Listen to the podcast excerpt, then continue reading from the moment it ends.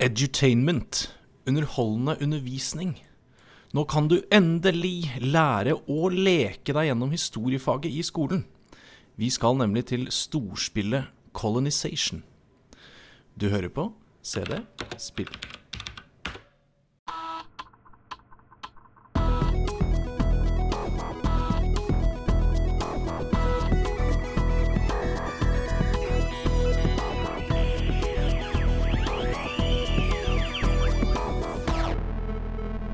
Velkommen tilbake til din favorittpodkast om gamle spill på beige datamaskiner, helst i DOS, til nød i Windows 311.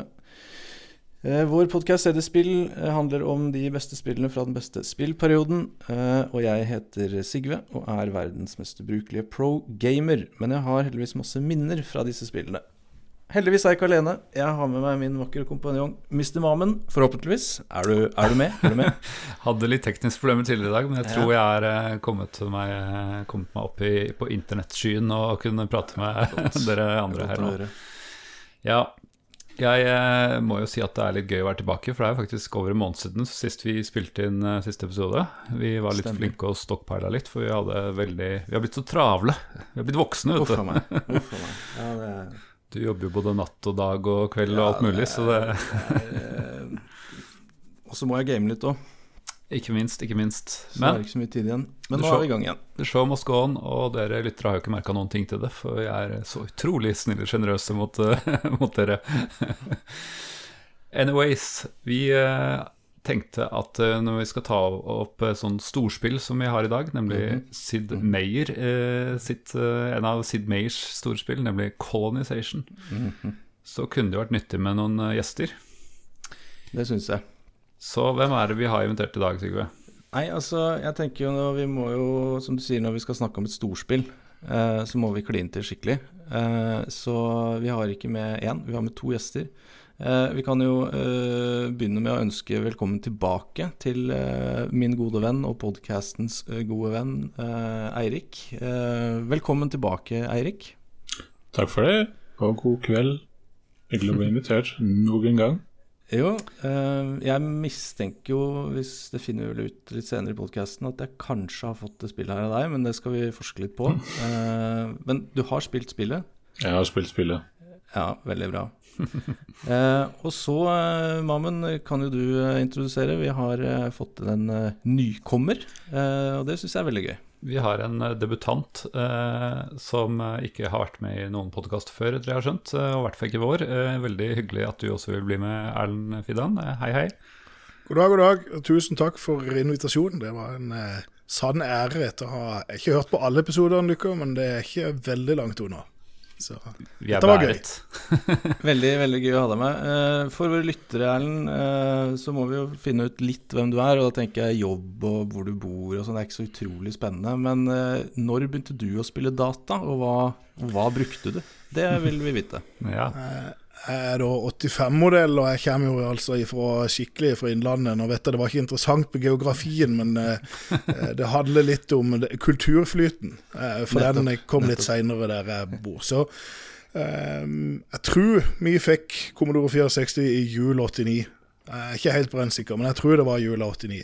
Nice. Eh, Så det, det, det var liksom Det var der det var. Min første maskin, det var det, altså, det første som jeg kjøpte sjøl for mine egne penger, det var da en Nintendo NES. Så det er jo, det er jo litt trist, men eh, Ja, men altså, jeg ja, vi, det, er, det er flere her som har gått Ja. på noen smeller der, så det, vi, vi er rause der. Ja. Eh, Det er vi.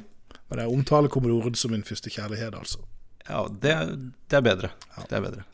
Men er du en av de Amiga-folkene som eh, skriver eh, vanvittig mye inn til oss og tror vi er en Amiga-podkast, eller er du, er du styrt uten, utenom den? Nei, vi styrte utenom det. Siden vi fikk den så seint, så var det mer naturlig å hoppe på PC-toget når, eh, når det kom. Så eh, da fortsatte vi med en Commodore eh, der òg, på PC-sida, faktisk. En, en 386 som som vi fikk noen år seinere. Så det var der jeg debuterte med dette spillet, i hvert fall. Colonization.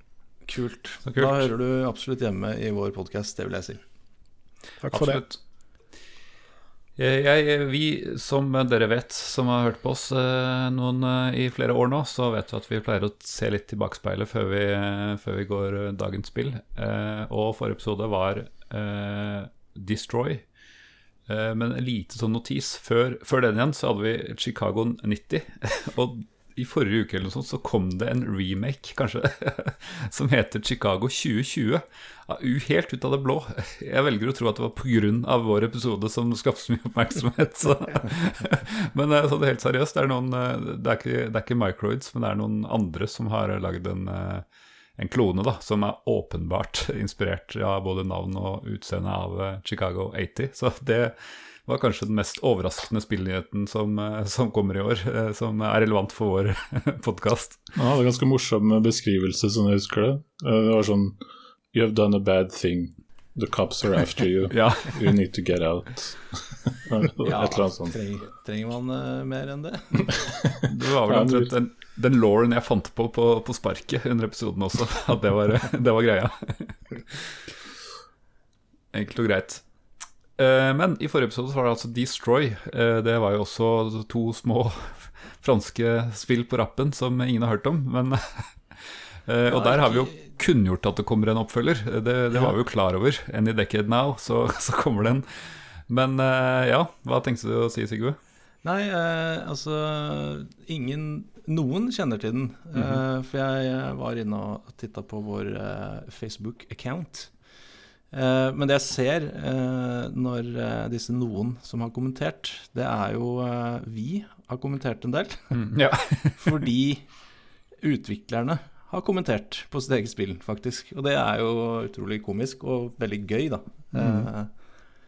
eh, for da er det jo Fully Bugged som har lagd dette Destroy-spillet. Eh, her sier Fully Bugged eh, på Facebook Vi snakker ikke norsk, but thanks to the team for this podcast that we had lots of fun to listen to.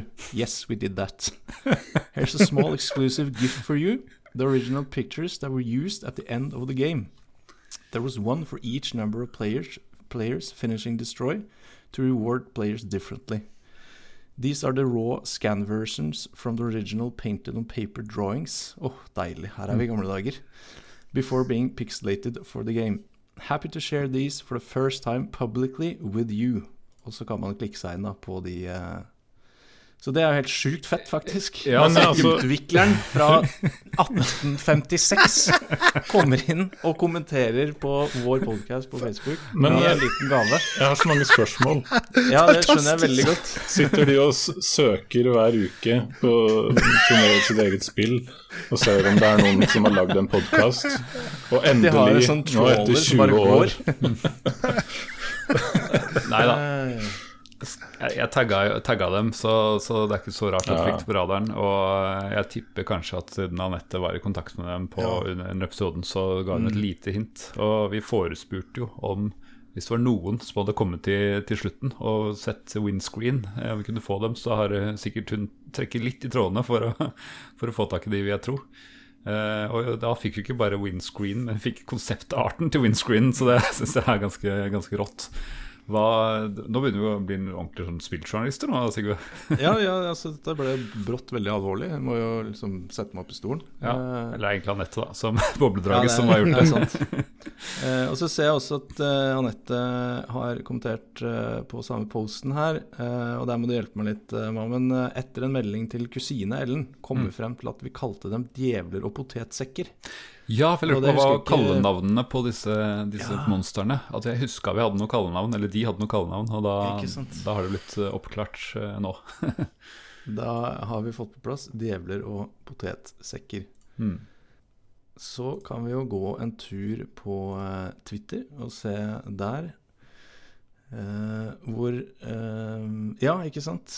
Eh, nå må du hjelpe meg her, for jeg kan ikke internett. Har vi tweeta noe som Fully Bugged har retweeta med en kommentar? Er Ja. det sånn å forstå? Yes, det er sånn sitat-retweet, eller hva det kalles i lingoen der. Ikke sant? Mm.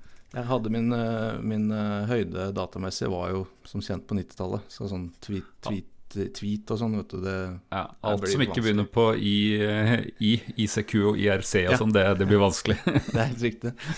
Uh, men veldig gøy. Uh, Fullebugd de uh, tweeter, eh, retweeter oss og skriver eh, A one hour podcast about Destroy, our 20, 28 years old in the game that the host played during their childhood. Hjerter og hjerter og hjerter. We're not speaking Norwegian, but after listening to it, seems they had lots of fun. Og det hadde vi jo, faktisk. Absolutt. Jeg eh, må jo også se litt sånn Jeg pleier ikke å liksom trampe på folk som er mindre enn oss, men vi har flere, flere følgere på Facebook enn enn denne indie-utvikleren. Så det er litt, eh, litt gøy. Er, Men du pleier ikke å trampe på folk som er mindre, enn fordi det er ganske vanskelig å finne generelt, kanskje? Ja, det, du er inne på noe sårt Wow, sårt wow, punkt der. Shots fired! Shots fired! Ikke spark meg, vær snill. Ja, deilig. Uh, nei, jeg tenker heller et samarbeid. At vi, uh, at vi spiller på hverandre her. Jeg legger merke til ja. at på, på Twitter er de faktisk dobbelt så store som oss. Så det er der de har eh, var den hesten de satsa på. ja, ja. Anyways, nok om, Yes. eh, om det. La oss eh, sette oss inn i tidsmaskinen til eh, 1994. Da kom altså Sid Mayers 'Colonization' ut eh, til DOS.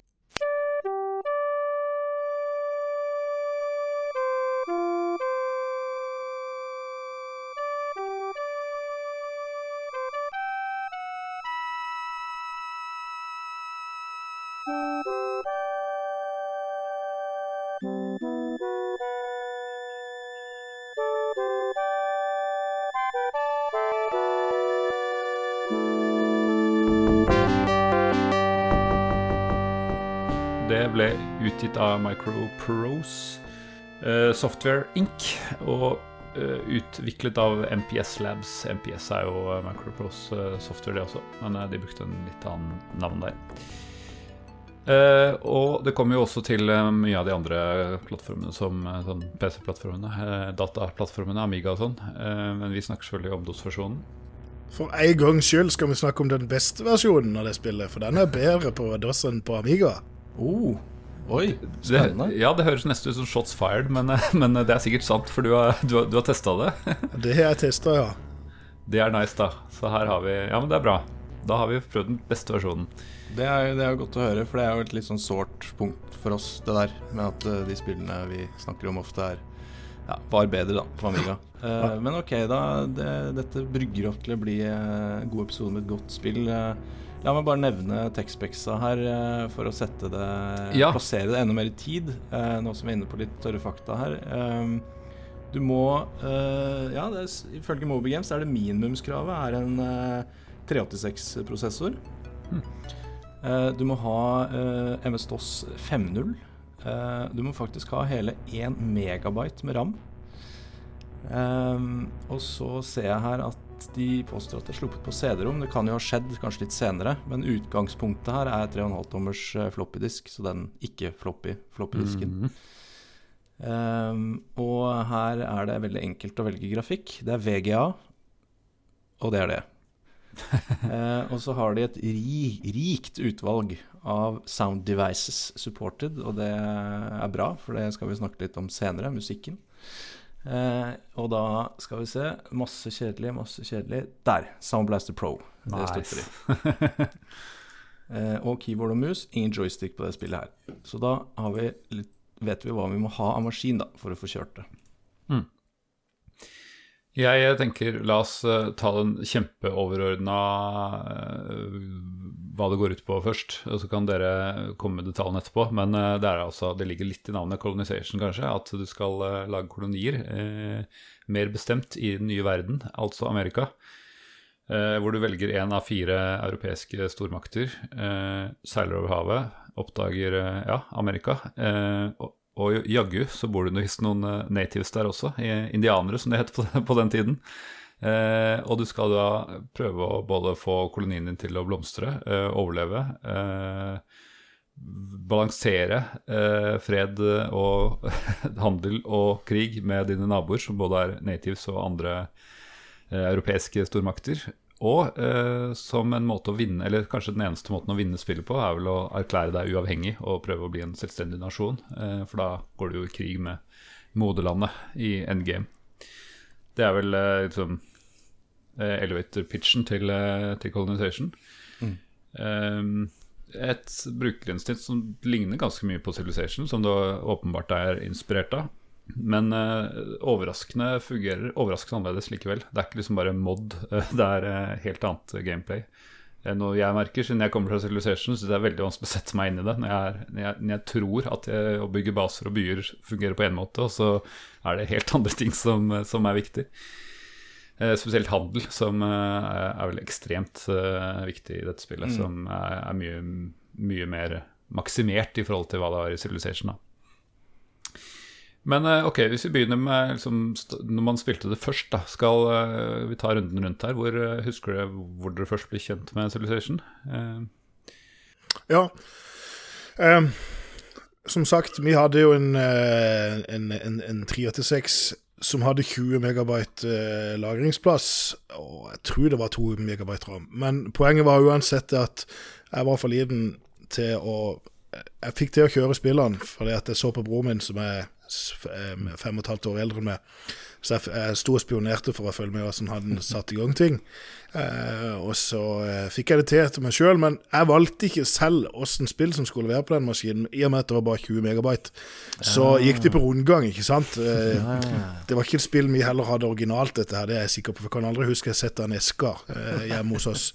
Så Kan kjenne igjen det. ja, så, så jeg, jeg, jeg begynte der, eh, men, men jeg, jeg spilte det ikke mye når jeg var i den alderen, fordi at eh, på den PC-en Det var jo det var enormt med ventetid ikke sant, mellom turnsene på en så treg prosessor. Så eh, først ganske mange år etterpå der jeg ble og forsto gameplay ordentlig, at jeg ble eh, skikkelig bitt av det. Så ja. Ja, Erik. Ja, eh, jeg husker ikke hva slags PC jeg spilte det på. Jeg husker hvor i huset den sto, hvor jeg spilte mest. Eh, og det var eh, garantert eh, CD-rom-versjonen. Er jeg ganske sikker på. Hadde esken Vi kjøpte det spillet, og jeg tror det, tror det er noe i det du sier, at du kanskje spilte det eh, eh, hos oss, Sigve, eller at dere fikk det av oss, eller noe sånt. Eh, ja, det var en eske med tjukk, tjukk manual, som jeg husker godt. Det er digg. ja, det liker vi. Så- svart, svart-hvite tegninger av uh, Fine tegninger, egentlig. Um, og et sånt spill som jeg tror kanskje i hvert fall mamma angra på at uh, pappa kjøpte til oss. Uh, jeg husker uh, var en gang ja, skulle spise middag eller et eller annet sånt, og mamma sa at nå må du komme, Eirik. Og så sa jeg ja, ja, jeg skal bare ta og drepe de indianerne her. Eh, og da sa hun det der er faktisk en ganske vond historie i, nei, i, i menneske, menneskeheten. Så du skal ikke drive og tulle med det. Så det Ja. Jeg trodde, jeg trodde jo at eh, det var, hun angra på at du fikk det fordi det var eh, som disse spillene er. Just one more turn. At det ble forsvant. Ja, men det- det var her- det var litt Det var fortsatt på den tiden historisk. Hvor, ja, det var den tiden hvor de fortsatt hadde kontroll over hvor mye vi faktisk spilte. Så Ja, eh, riktig. riktig. det, var, det var heller det drepe uskyldige Ja. aspektet som var som var problematisk.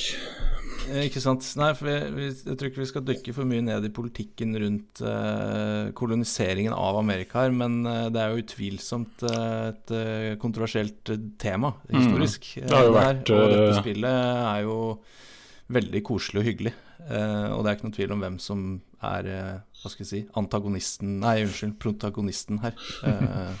Nei, ikke sant. det, er, det er europeerne. Jeg tror Det har jo vært eh, faktisk eh, nå bare i de siste ukene ganske mye debatt om kolonialisme, så jeg tror, Mm.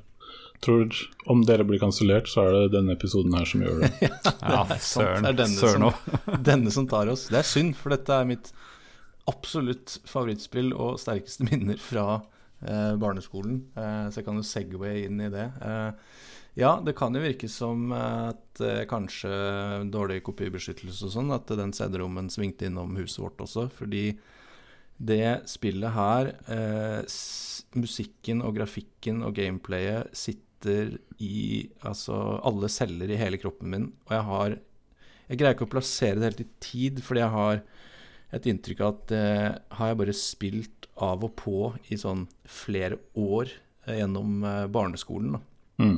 Eh, uten at jeg noen gang, selvfølgelig, greide å utfordre den engelske overmakten uh, og komme, komme til endgame og vinne endgame.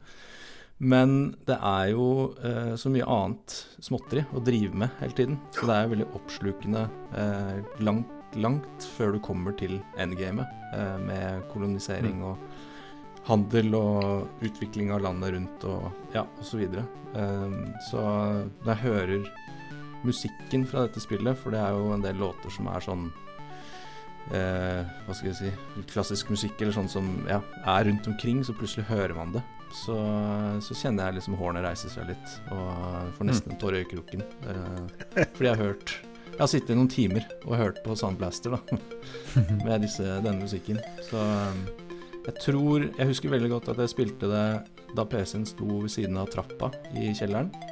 Og så tror jeg også jeg spilte da PC-en sto inne i, eh, i kjeller, eh, kjellerhula. Eh, ja, jeg har spilt det i mange, mange år. Jeg husker ikke helt hvem jeg fikk da, eller om jeg Jeg tror ikke jeg kjøpte, men, eh, og ikke helt hvilken PC jeg har eh, spilt på heller. Men det jeg vet, er at det ligna så mye på Civilization, at jeg trodde jeg var god i det. Og så fikk jeg meg en real kalddusj, fordi det jeg klarte overhodet ikke å mestre Colonization, i motsetning til Civilization.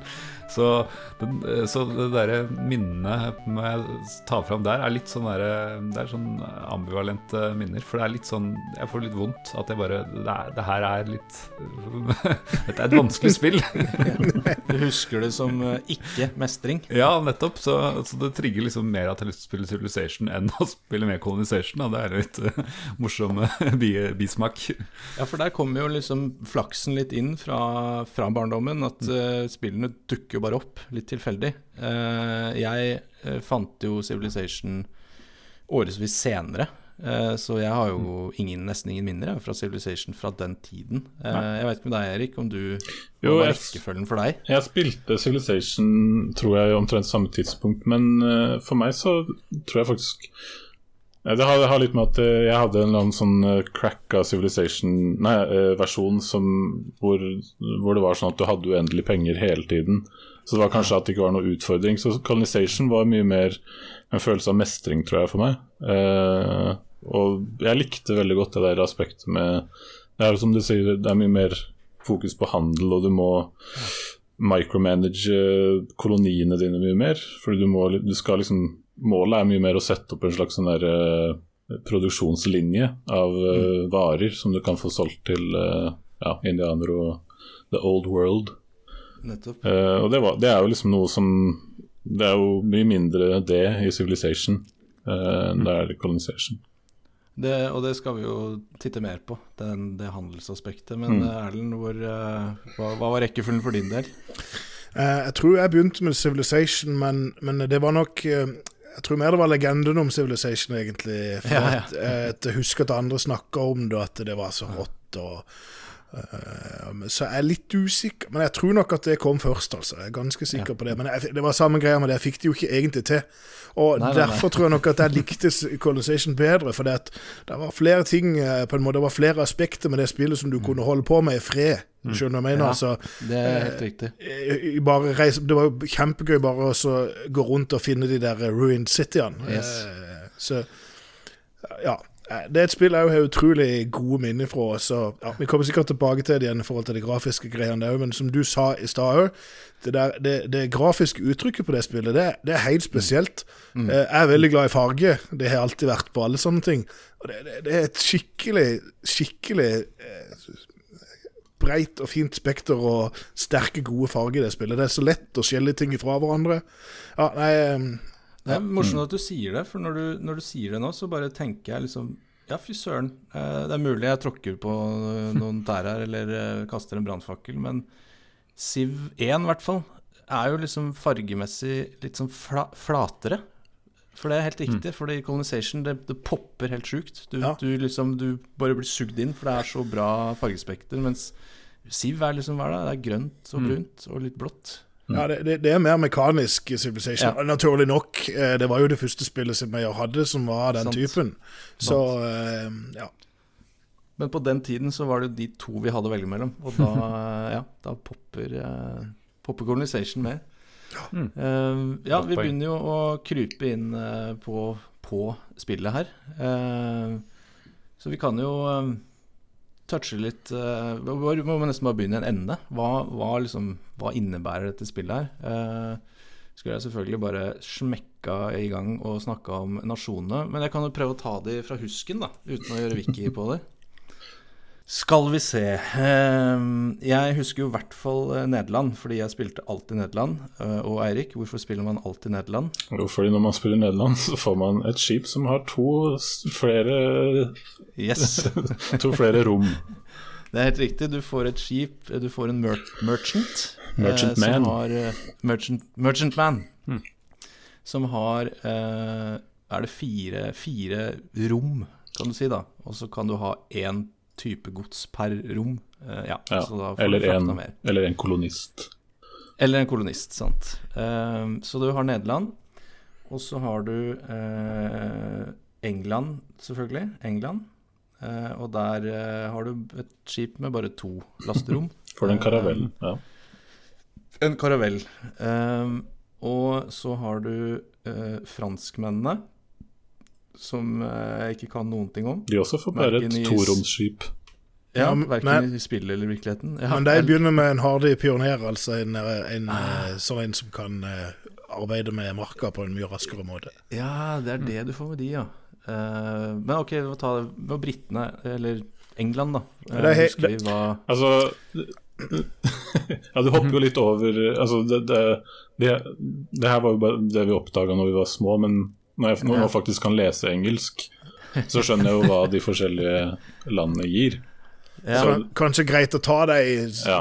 maktene først, og så kan vi det. gå på de detaljene etterpå. Ta, så ta den siste nå, Sigurd, Se, se om du husker hva Ok, det er. ok uh, Spania. Ja, Ja. Var det alle fire? det var det. Det var litt Yes. yes. Ok, jeg huska det. Da takker jeg for meg. Eh, vær så god, neste. Så Nederland de har jo De får jo det skipet, men de har generelt også bedre um, Altså siden det nederlandske koloniimperiet var basert på handel, så er liksom konseptet at de skal kunne handle mye mer enn de andre. Så de får eh, prisene for, for et, eh, Sånn som det er i Colonization, etter hvert som du selger varer og de andre nasjonene selger varer og kjøper varer i the old world, så går prisene opp og ned på de varene, som i et slags aksjemarked. Eh, men Det det, er litt tyske stilig, egentlig. Ja, det er ganske kult. Eh, men det, det, det nederlandske markedet det er mer stabilt, og det trekker seg mer til de opprinnelige prisene eh, raskere enn de andre nasjonene. Eh, Erlend, du vet kanskje hva England gjør, f.eks.? England de eh, har um, dobbeltproduksjon av, kors. Eh, Men eh, hva betyr det? Det betyr at ja, det er en mekanikk i spillet som eh, Måten du får inn flere folk på eh, til den nye verden fra den gamle verden, er at eh, eh, man produserer da kors, og så kommer det bare dukker det opp eh, nye kolonister av forskjellige ymse slag eh, på havna i London, som du da kan ta, sette i en båt og kjøre over til den nye verden. Og jeg regner jo med konseptet der er at veldig mange av de som rømte til Amerika på den tida, var eh, religiøse Hva heter det for noe? Sånne som ble regna som eh, heretics, heter det på norsk. Nei, på engelsk. ja, ja, ja, ja. Kjettere, er det ikke det? Kjettere. Kjettere var det. Ja, ja. De trodde, de trodde ikke på, eh, på kongens versjon av kristendommen eller noe sånt. Og Nei, ja. Litt, litt forskjellig der. Jeg, jeg, jeg, hører, jeg hører til den bransjen sjøl, sånn at jeg kan eh, Den, Der var litt anabaptister, og så var det litt forskjellige ting som ble sagt Riktig. over. den eh, de, Altså det, det er jo en sånn pool uh, hvor, er, hvor du Når du er i Europa, så kan du på en måte kjøpe, velge blant tre, tre tilfeldige typer kolonister, Uh, og du kan betale penger for de for å gi dem liksom uh, fritt leide.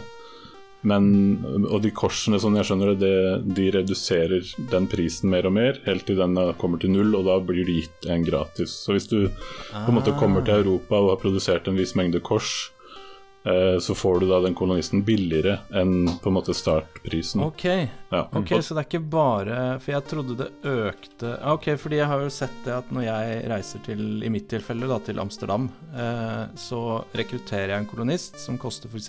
200 gull.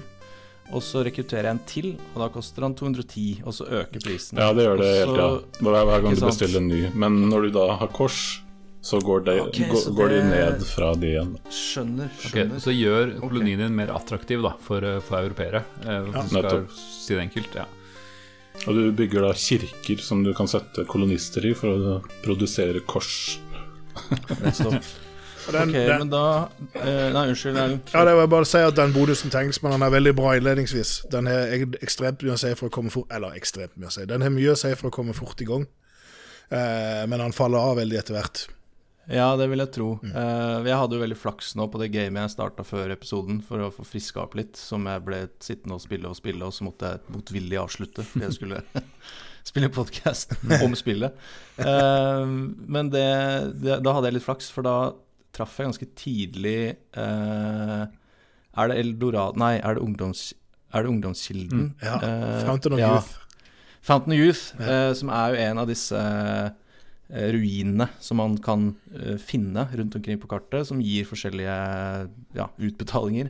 Og jeg fant Fountain Youth, og da var det jo bare Det var fullt på den brygga, da. Det var stappfullt med både skilled colonists og unskilled. Da. Så jeg fikk jo en ganske flying start inn uh, i runde tre, eller noe sånt. Eh, Mm. men ja, uh, det kan jeg se for meg faller litt av etter hvert når du begynner å ha penger til å kjøpe og utdanne selv. Eh, men ok, da har vi de franskmennene. Kan noen hjelpe meg med de? Altså, Franskmennene greia der er at de hadde gode relasjoner med the natives.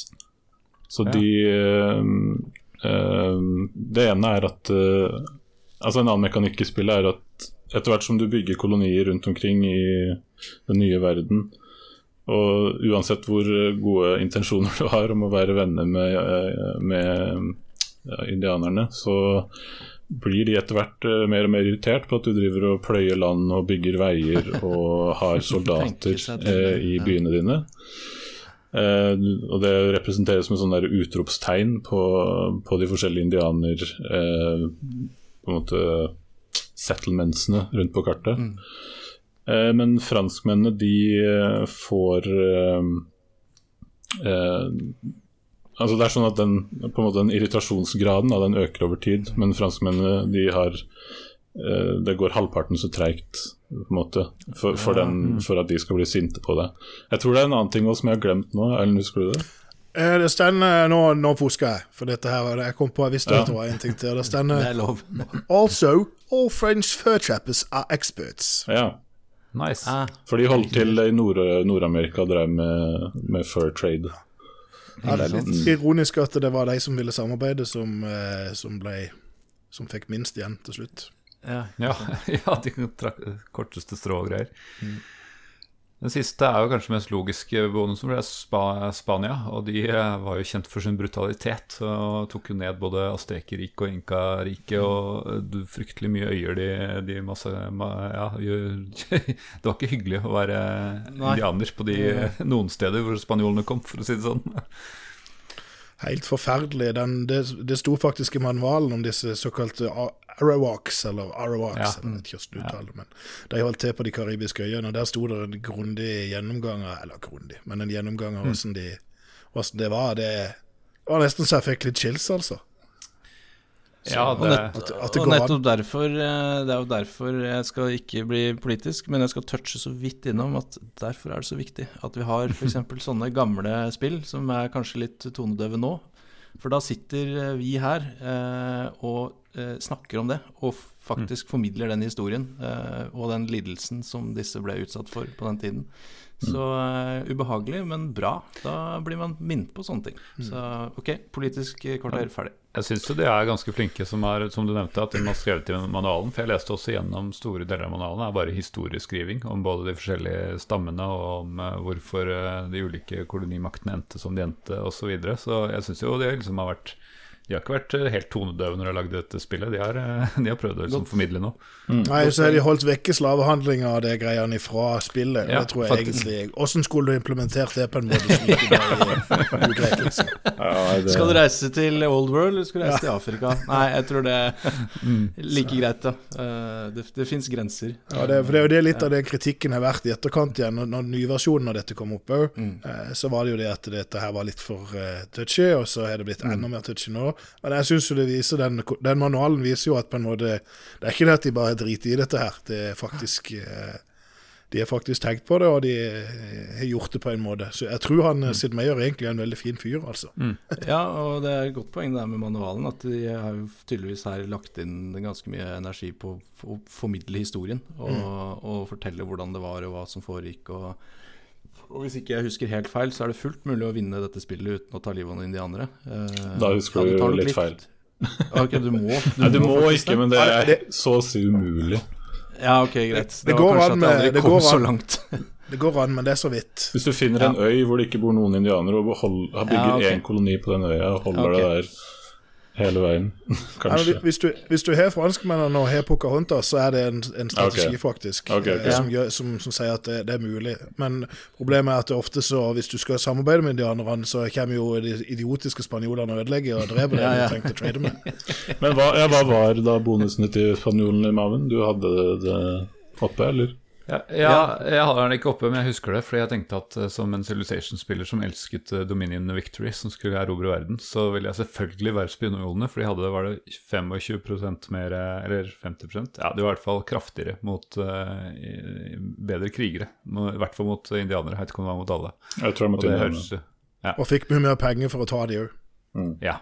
For hvis du brenner indianerbyer, så blir det ofte sånne derre eh, vogner med gull som du kan frakte hjem til Europa. ja, riktig. Men hadde de en bonus til, eh, sånn som de andre, eller var, dette, var det dems?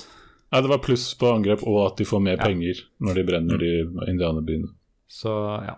Og det jeg merka som jeg syns var veldig rart, eh, hvorfor i all verden det mangler jo en nasjon her. Eh, jeg, jeg har ikke hørt veldig mye om nederlandsk eh, erobring av den nye verden, men eh, Portugal eh, hadde jeg forventa at skulle være her.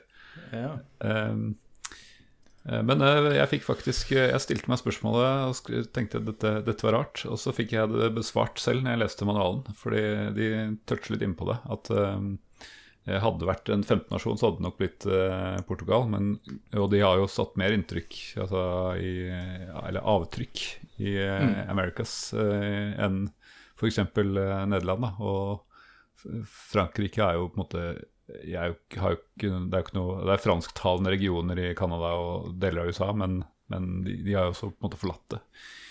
Eh, men grunnen var vis- visstnok eh, todelt. At de hadde veldig mye av de samme fordelene som Spania. At de var vanskelig å lage noe distinkt. Eh, men også, eh, uten at jeg faktasjekka det, men at de Jeg tror de var erobra av Spania i mye deler av den I hvert fall starten av eh, når, Altså i Columbus' tid. Mye av det da dette utspiller seg. Da. Eh, og da ja, ble det litt rart å ha det med pga. timesettinga, rett og slett. Ja. Men eh, det er jo definitivt, eh, hvis jeg tenker på hvilken eh, land som, eh, som har vært i, vært i eh, Eller som erobra Amerika, så vil jo Portugal være det tredje, valget av de tre jeg ramser opp, før, før to av de andre her. Ja, det er sant. Vi, eh, vi, eh, vi må snakke Vi må forklare eh, handelssystemet. Eh, Ja. For det er jo veldig, Please. veldig sentralt for hele spillet. Eh, og for de av våre de få lyttere som ikke har prøvd dette storspillet. Eh, så, så må vi gjøre det. Eirik, Ja. eh, hva, hva er handelssystemet Um, i Colonization? I colonization. Det, eh, handelssystemet er at det fins en del forskjellige varer eh, som du kan handle i. Eh, disse varene kan du kjøpe som regel fra eh, Europa. Old World. Eh, mange av de varene er eh, råvarer. Eh, da er det da snakk om sukker, uh, furs, uh, tømmer, metal ore og tobakk. Bomull? Bomull, ja. Eh, og så og, og disse varene kan også no, Mange av de kan foredles Eller alle de råvarene kan foredles til til da frakker og vevede klær og rom eh, og sigaretter Nei, sigarer. um, når du bygger en Har da litt klasse her. når du bygger en koloni, så er det jo et sånt uh, Altså, det funker jo ganske likt som i Civilization. Du har en kolonist som du kan bygge en ny by med, eh, en koloni. Um, og da har du, har du et sånt på en måte in city view. Og der kan du på en måte Der har du en square rundt kolonien din som du på en måte kan da sette folk til å arbeide på, på det landet. Eh, og hvis det er land, så kan du da f.eks. dyrke mat, eh, eh, hogge tømmer, eh, dyrke bomull eller eh, tobakk osv. Og så har du da en annen seksjon av bybildet som er de forskjellige bygningene som er i byen. Eh, Du kan bygge flere bygninger etter hvert hvis du, eh, hvis du foredler tømmeret til såkalte hamre.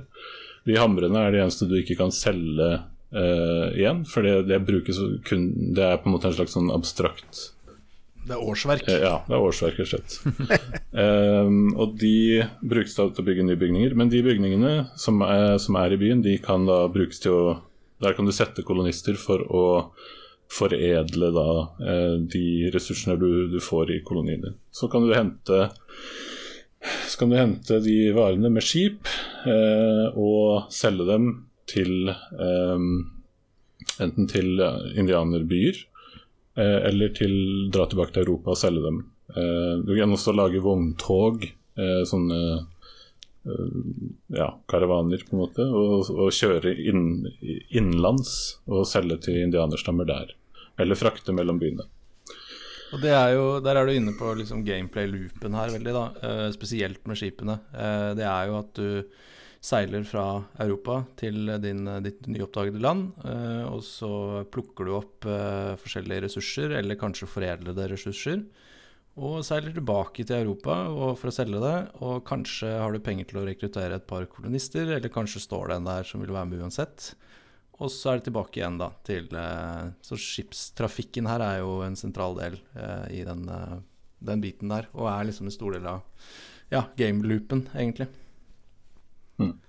Og en ting som jeg, som jeg innså nå som jeg, opp, som jeg begynte å spille igjen før den podkasten, som jeg absolutt ikke skjønte i det hele tatt da jeg var uh, liten gutt, uh, det, var det er hvor viktig det er å handle med indianerne, særlig i begynnelsen. Altså, du, I Europa så kan du kjøpe en unik vare som du ikke får kjøpt, eh, eller som du ikke får lagd i, i, i koloniene dine, og det er trade goods.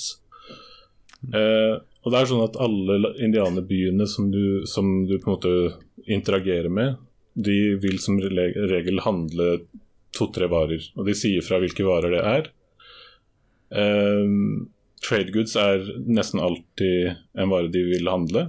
Eh, og i begynnelsen så gir de helt vilt mye penger uh, for, uh, for trade goods. Og de koster Ja, la, la, la meg bare stoppe deg litt. Fordi nå, nå min verden endres. Ja. Dette Ok, sier de at de vil ha trade goods, eller tar de det liksom imot uansett? Nei, de tar ikke imot det uansett. Hvis du nettopp har handla trade goods med dem, så kan du ikke handle en Ja. ny trade goods. Men da, hvis du da handler en annen vare med dem i mellomtiden Ja. Så hvis du har et skip som har trade goods, og så f.eks. vet du at denne landsbyen vil ha tobakk, Ok. og så har du med trade goods, tobakk, trade goods, tobakk i skipet ditt, Ja. så kan du handle med dem fire ganger. Fordi Mm. når de har handla trade goods, så skifter du til tobakk, som de vil ha, og så skifter du tilbake til trade goods når du handler tobakk. Uh, og du kan alltid Er det det trade goods er til? Ja, og de Er det det I, be I begynnelsen jeg, skal, jeg må starte en ny game etterpå. i begynnelsen koster trade goods eh, jeg skal vinne colonization. Trade goods er veldig billig i Europa til å begynne med, og du kan hagle med indianerne. Og som regel med trade goods så kan du hagle sånn ti ganger før de sier nei, nå gidder jeg ikke mer. Og da har du fått opp en pris som er kanskje sånn i hvert fall fem ganger det du betalte eh, i Europa. Så det, okay, det er bare helt, er helt, uh, utrolig viktig, viktig å gjøre i begynnelsen.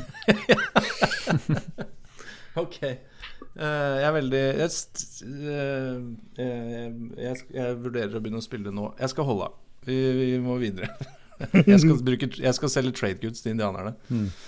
Ok, da veit jeg det. Vi, må, vi må jo også Vi har jo så vidt toucha innom enhetene. Men Ja. er vi, er vi, har vi landa trade Vi har landa trade og det konseptet nå. Uh, har vi ikke det?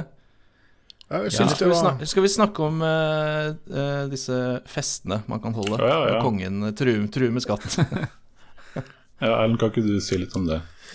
Um, Etter en periode du har vært der, så skjønner jo kongen i det gamle landet at her, her dette, dette må vi utnytte.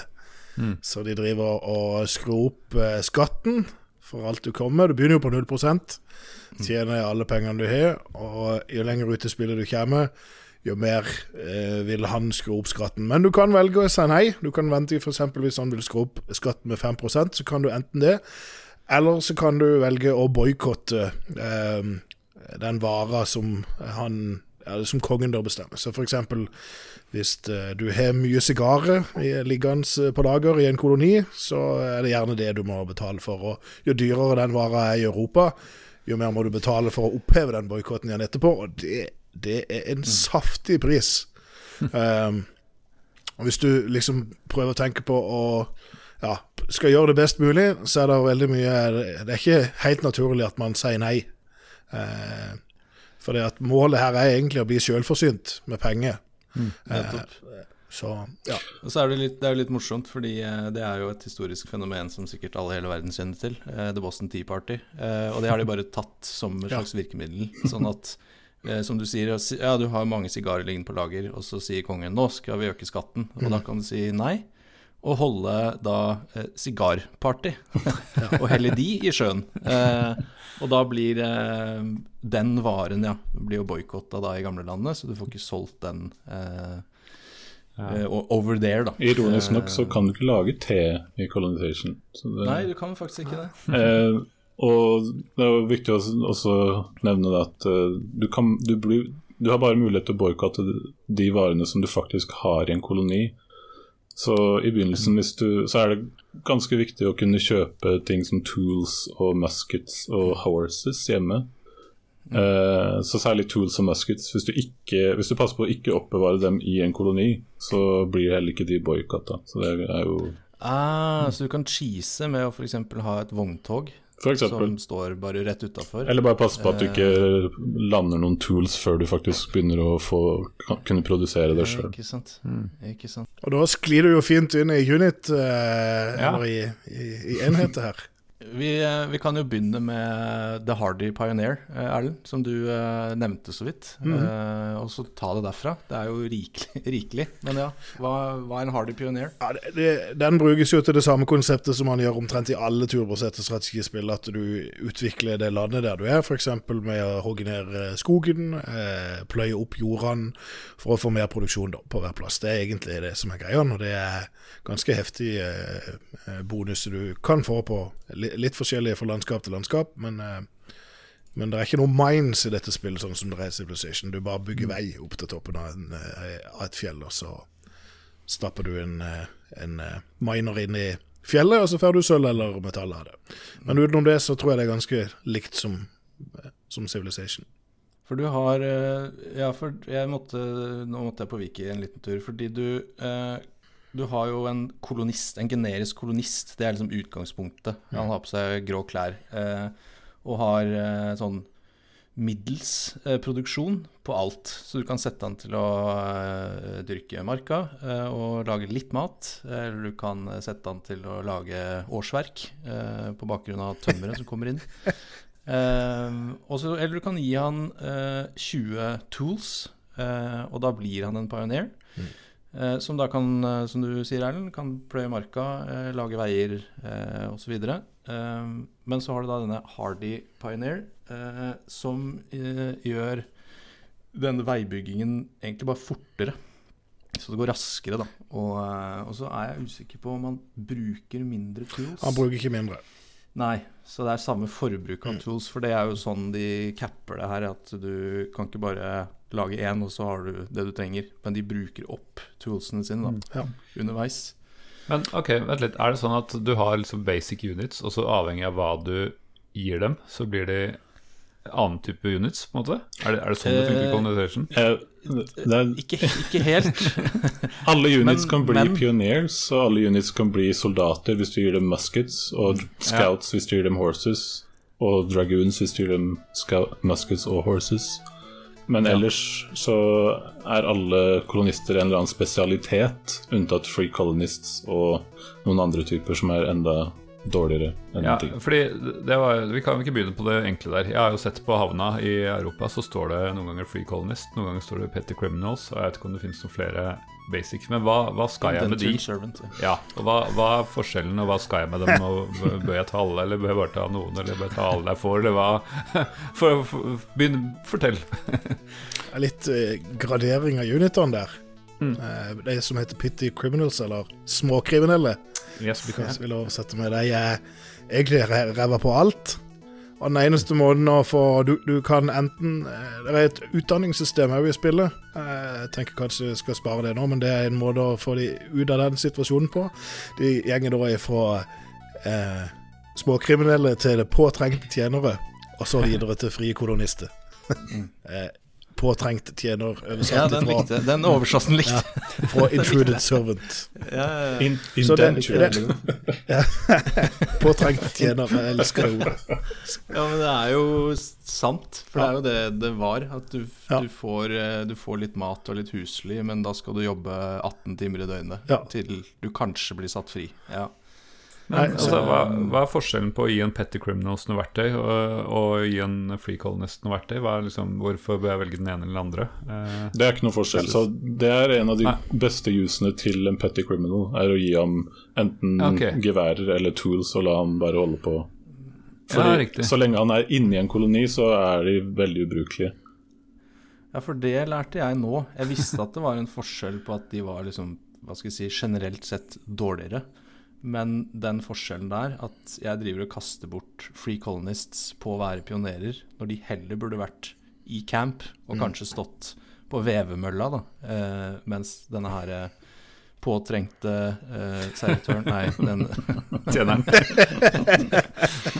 Han kan du selvfølgelig bare hive verktøy i henda på og sparke ut eh, og la han bygge vei, selvfølgelig. Eh, Men det er verdt å nevne Ja. at det her er en forskjell fra Civilization. At alle, ting eh, alle ting som kan bo i en by, er også enheter. Eh, Ja. og, Mens i, i Civilization så er jo population du har i en by, det er ikke noe du kan bare trekke ut av en by, Nei. og så blir de en enhet. Uh, men det, sånn er det her. Alt er en enhet, egentlig. Det er kult.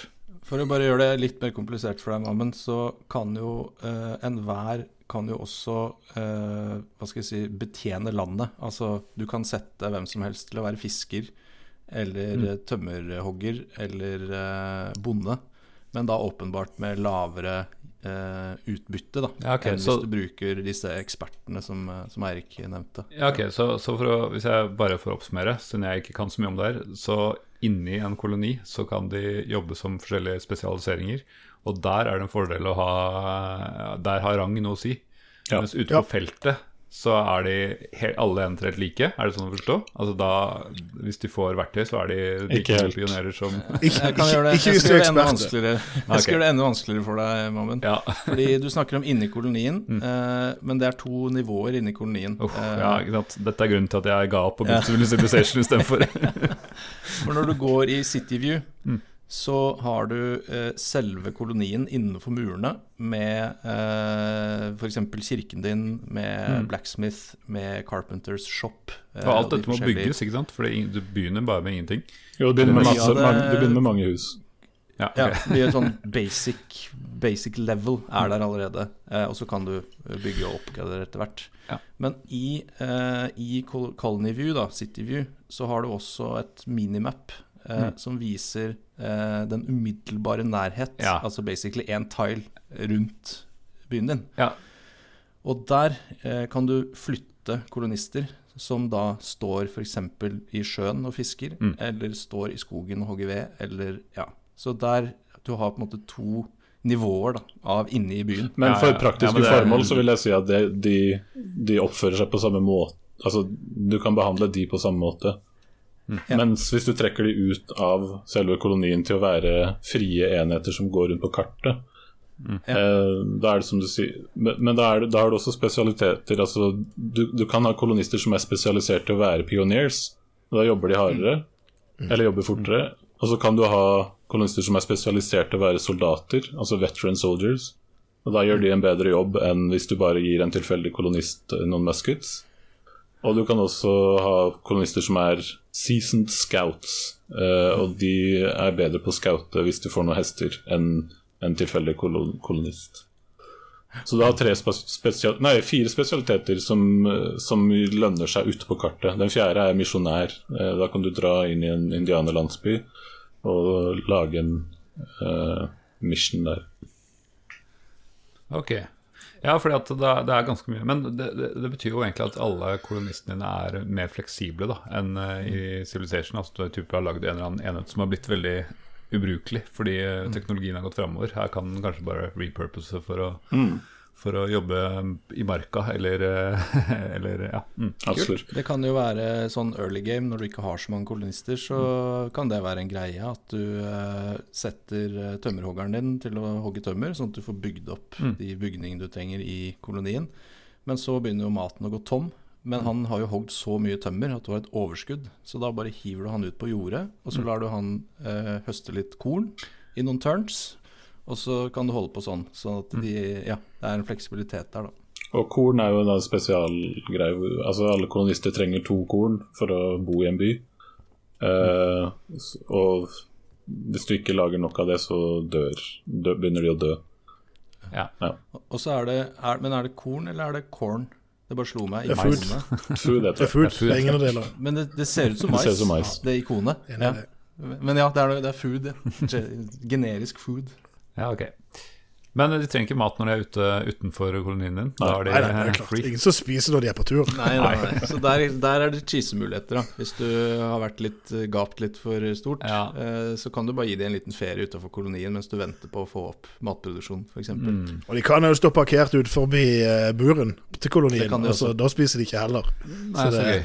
Det er, det er veldig lettvint sånn sett. Det er, det er cheesemuligheter der. Herlig. Ok, ja, men det, det er veldig komplekst spill. Og det, dette, jeg begynner å skjønne hvorfor jeg ikke skjønte så mye før. Og jeg begynner å skjønne hvorfor jeg ikke skjønner så mye øh, før podkasten. Men nå begynner, jeg, begynner jeg, begynner jeg å få, få tek på det her. Ja, for det, det er jo den mekanikken vi snakker om nå som egentlig gjør at jeg syns dette her er gøyere enn Civilization. Eh, den Ja, det er, så, det er på en måte mer fleksibelt i forhold til den delen, og det er gøyere, og den, den utviklingsdelen av byen er gøyere, rett og slett, mm. syns jeg, da. Ja, for det er ikke liksom bare tall og verdensbilde. Du kan liksom Altså ref meg, da, som barneskolekid, som satt og storkoste meg, for jeg hadde kanskje tre kolonier, da.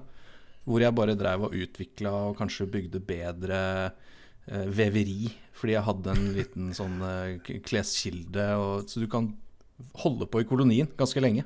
eh, før du trenger å tenke på resten av, av spillet og endgame og sånne ting. Da.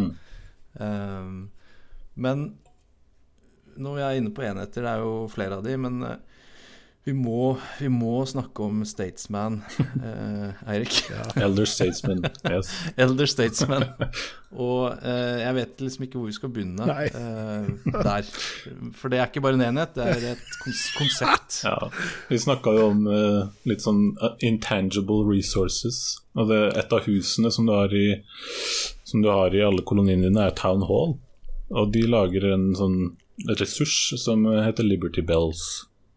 For det husker jeg, skyter inn, det husker jeg på barneskolen.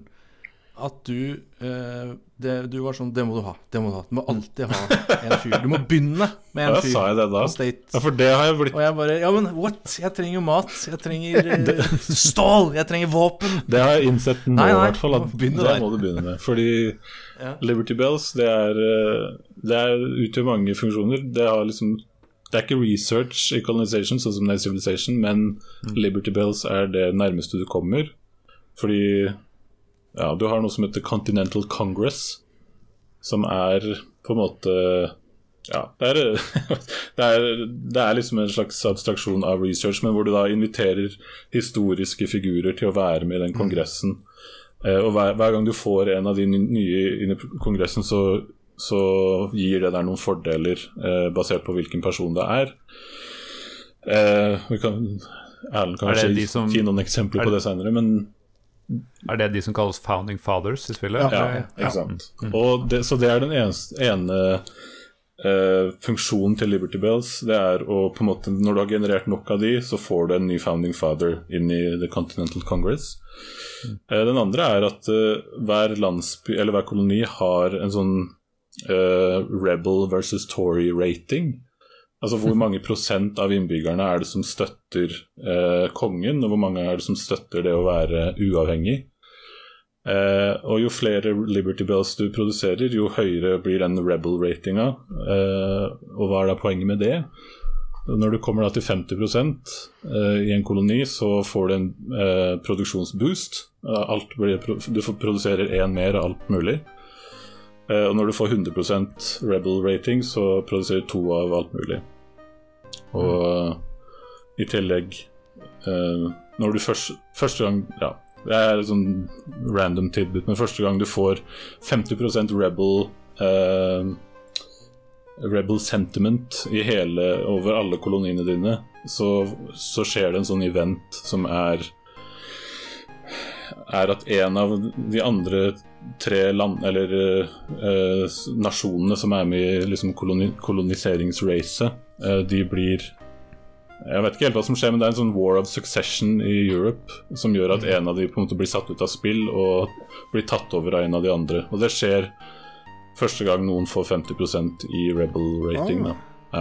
Ja. Jeg visste ikke heller at det var triggeren. Nei, men det er ikke ærlig før jeg begynte med det nå. Men nå det skjønte jeg at det Men, men så, så, du sier at når du, hvis du da bikker 50% Rebel Sentiment eh, totalt, mm. så forsvinner en av de andre europeiske stormaktene. Men forsvinner egentlig ikke. Den blir bare merga inn i en av de andre som blir enda større og enda sterkere. Den blir enda større, ja. men eh, den blir jo splitta som regel, da, fordi de har ikke nødvendigvis koloniene sine rett ved siden av hverandre. Eh, men jo, Nei, men jo da, de blir jo sterkere. Ja, så det er en mm. Man kan se på det som en økt vanskelighetsgrad, egentlig. Det du Ja, det kan man. I hvert fall hvis du slåss mye med de andre europeiske nasjonene. Mm. Og det å ha til, til, syvende og sist så må du ha Liberty, eller så må du ha Rebel Sentiment, fordi målet med spillet er jo å, å declare independence. Og For å få gjøre det, så må du ha i hvert fall 50 eh, tror jeg, rebel sentiment i ja. koloniene dine. Mm. Men de, de, founding fathers, eh, Erlend, hadde du uh, Hadde du noe på de? Så vi skjønner litt hva er de perksa, eller hva er det som foregår med de? Egentlig? Ja, Eh, du nevnte jo her innledningsvis at du var vanskelig å trekke seg ut fordi du hadde en eh, førtrepper som var helt Ville Nikkersen her. Ja, stemmer, ja, og en av de founding-faderne som heter Henry Hudson, han uh, gjør sånn at du får dobbelt så mye first på hver plass du, ja. du utvinner det. Så det er en sånn liten Det er, det jo som han sa, det er jo nesten som en en eh, oppfinnelse, holdt jeg på å si, Civilization, mm. men ikke helt. Eh, for det er veldig forskjellige ting de gjør, disse her. Og noen av de er totalt ubrukelige. Uh, mens andre er bare sånn at du blir helt nødt til å ha de så fort du ser de nesten uansett. For eksempel så Det er noe av det jeg liker med dette spillet, at det er jo fullt av indianere der når du kommer. Og det er ikke nødvendigvis sånn at Veldig ofte så okkuperer jo de de beste plassene. Uh, så det er ikke så lett å finne en god plass, eller finne mange gode plasser. Eh, på, på, på, samme sted liksom, der det er gudstier for å få bosatt seg. Eh, og Det er en av disse founding-faderne som heter Peter Minjut. Jeg kjenner ikke han sånn historisk sett, men han gjør iallfall at Eh, alle eh, for, for, eh, Innledningsvis så krever indianerne betaling for at du skal bruke marka deres. Og det, hvis du får han, så slipper du unna det, f.eks. Jeg tror han kjøp, var han som kjøpte Manhattan for uh, 21 perler eller et eller annet sånt. Uh, ja. okay. eller på grafikken her så står han faktisk med masse perlekjeder i hånda. Ja. Akkurat. Jeg er ikke så sterk på amerikansk revolusjonshistorie, så Uh, jeg plukka jo opp uh, og Han har jo også et ganske ominous bilde her. Han står med et bloddryppende sverd. Uh, Hernando de Soto. Mm.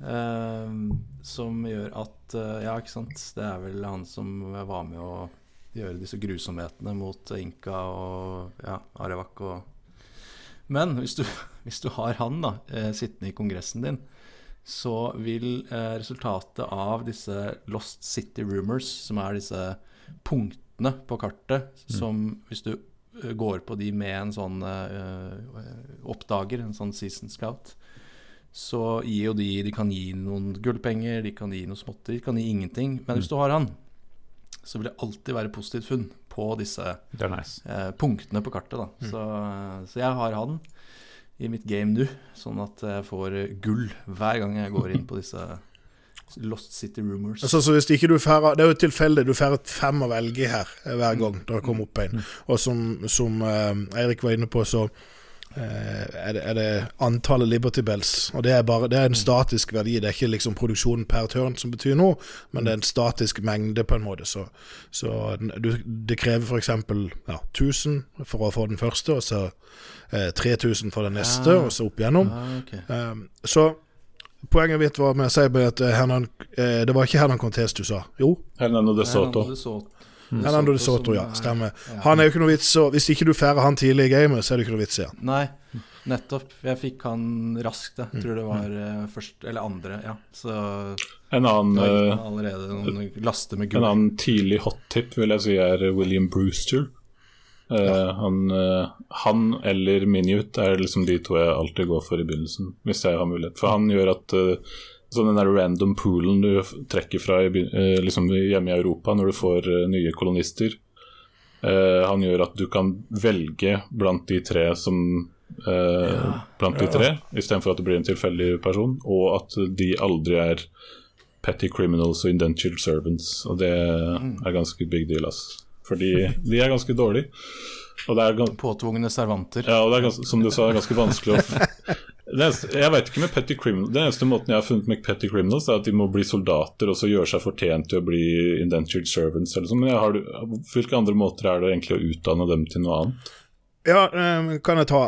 Um, I koloniene så kan du bygge uh, henholdsvis schoolhouse, du kan bygge, altså utvide det til college og utvide det til university. Uh, på schoolhouse så er det kun uh, de som jobber med råmateriale som kan utdanne seg videre. Da tar du en ekspert. Eh, som, du, for, em, som du kan få da fra Europa, f.eks. en farmer eller en fisher, eh, som du da setter i schoolhouse, og så bruker du da en, enten en fri kolonist eller en intruded servant eller en petty criminals til å gjøre noe annet i, i kolonien. Det er det samme hva han gjør.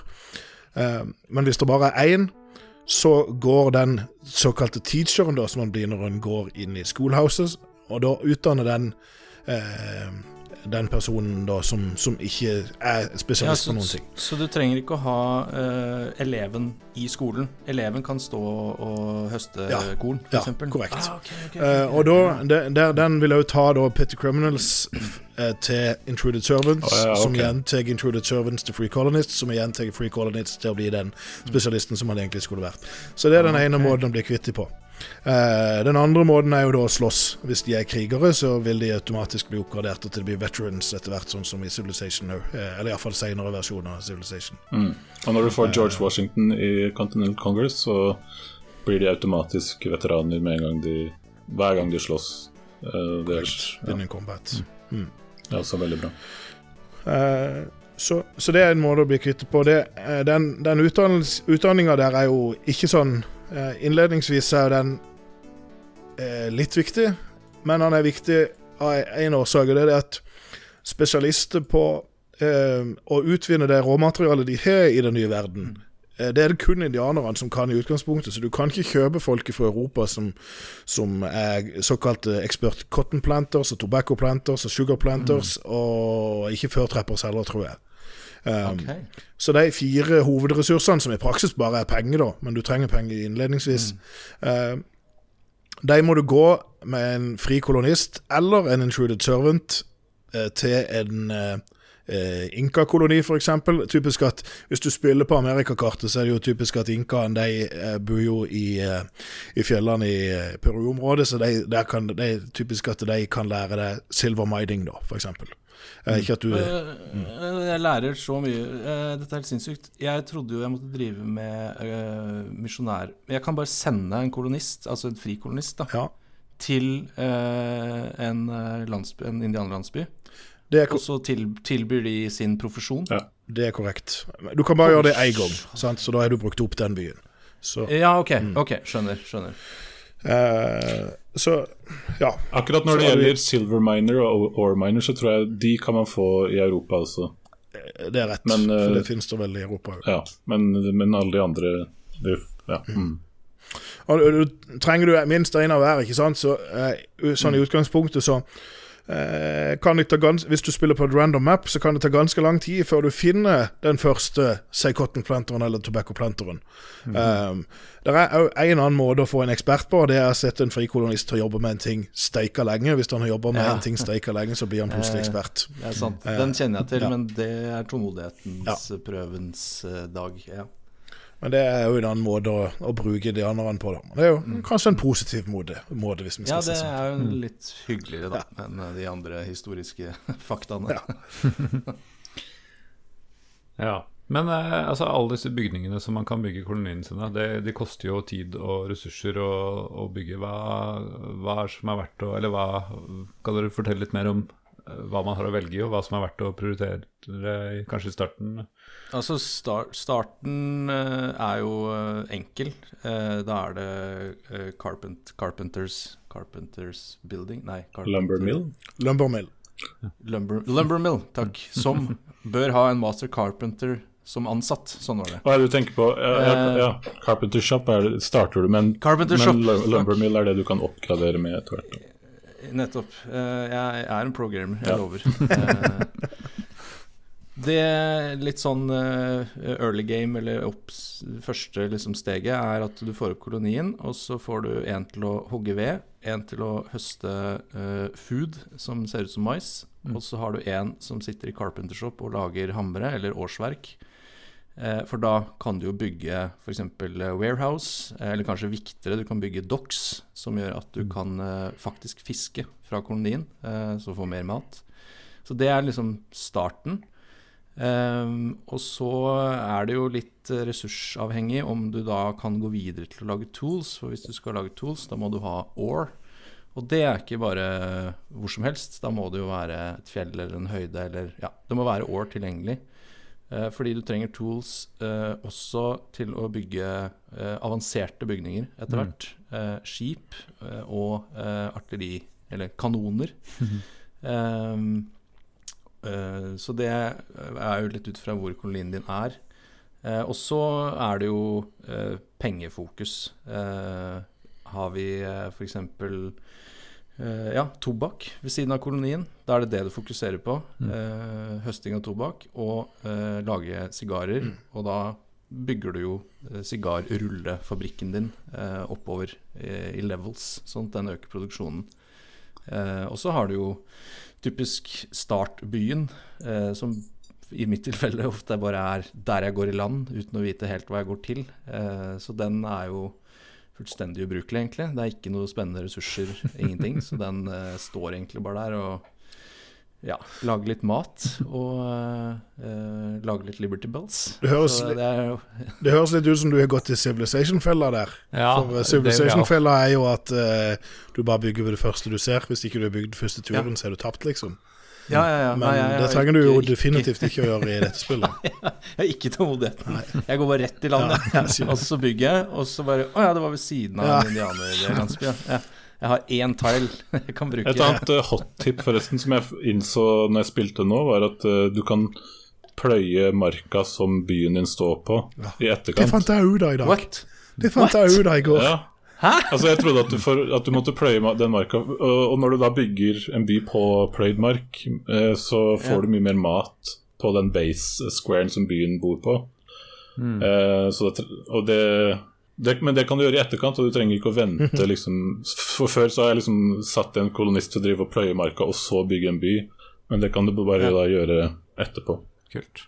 Eh, Ah. apropos, men eh, flere bygninger som er verdt å merke seg, er jo Armory. Etter hvert så er du nødt til å um, skape dine egne geværer.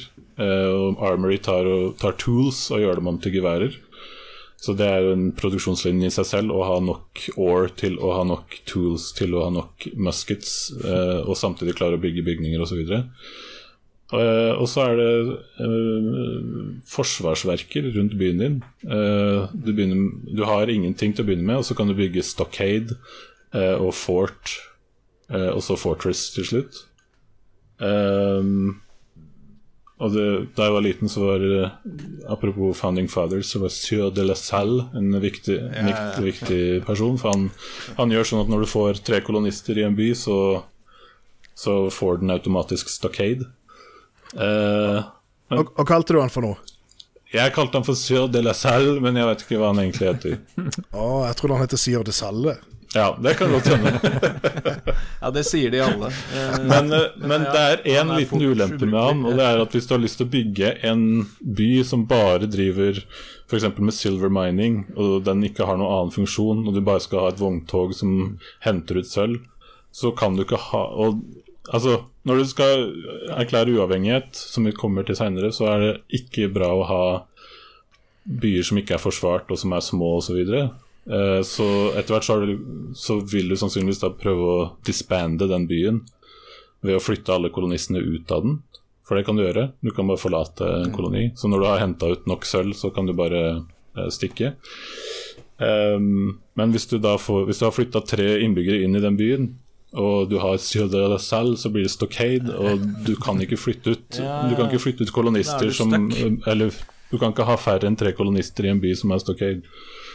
Uh, så, det, så da er du stuck med den byen, da? Ja, men, eller du kan sulte, men du kan sulte dem i hjel. Uh, eller nei, det kan du heller ikke, fordi du har jo grunnleggende mat i byen din. Så det går egentlig. Ja, det blir uh, Men nå er vi jo inne i noe som jeg syns er veldig spennende, fordi jeg har ikke peiling, åpenbart. Og det er jo litt, litt strategier på hvordan man liksom Ja, altså kommer seg til endgame, er jo én ting. og så kan vi jo gå til hvordan man vinner endgame etterpå.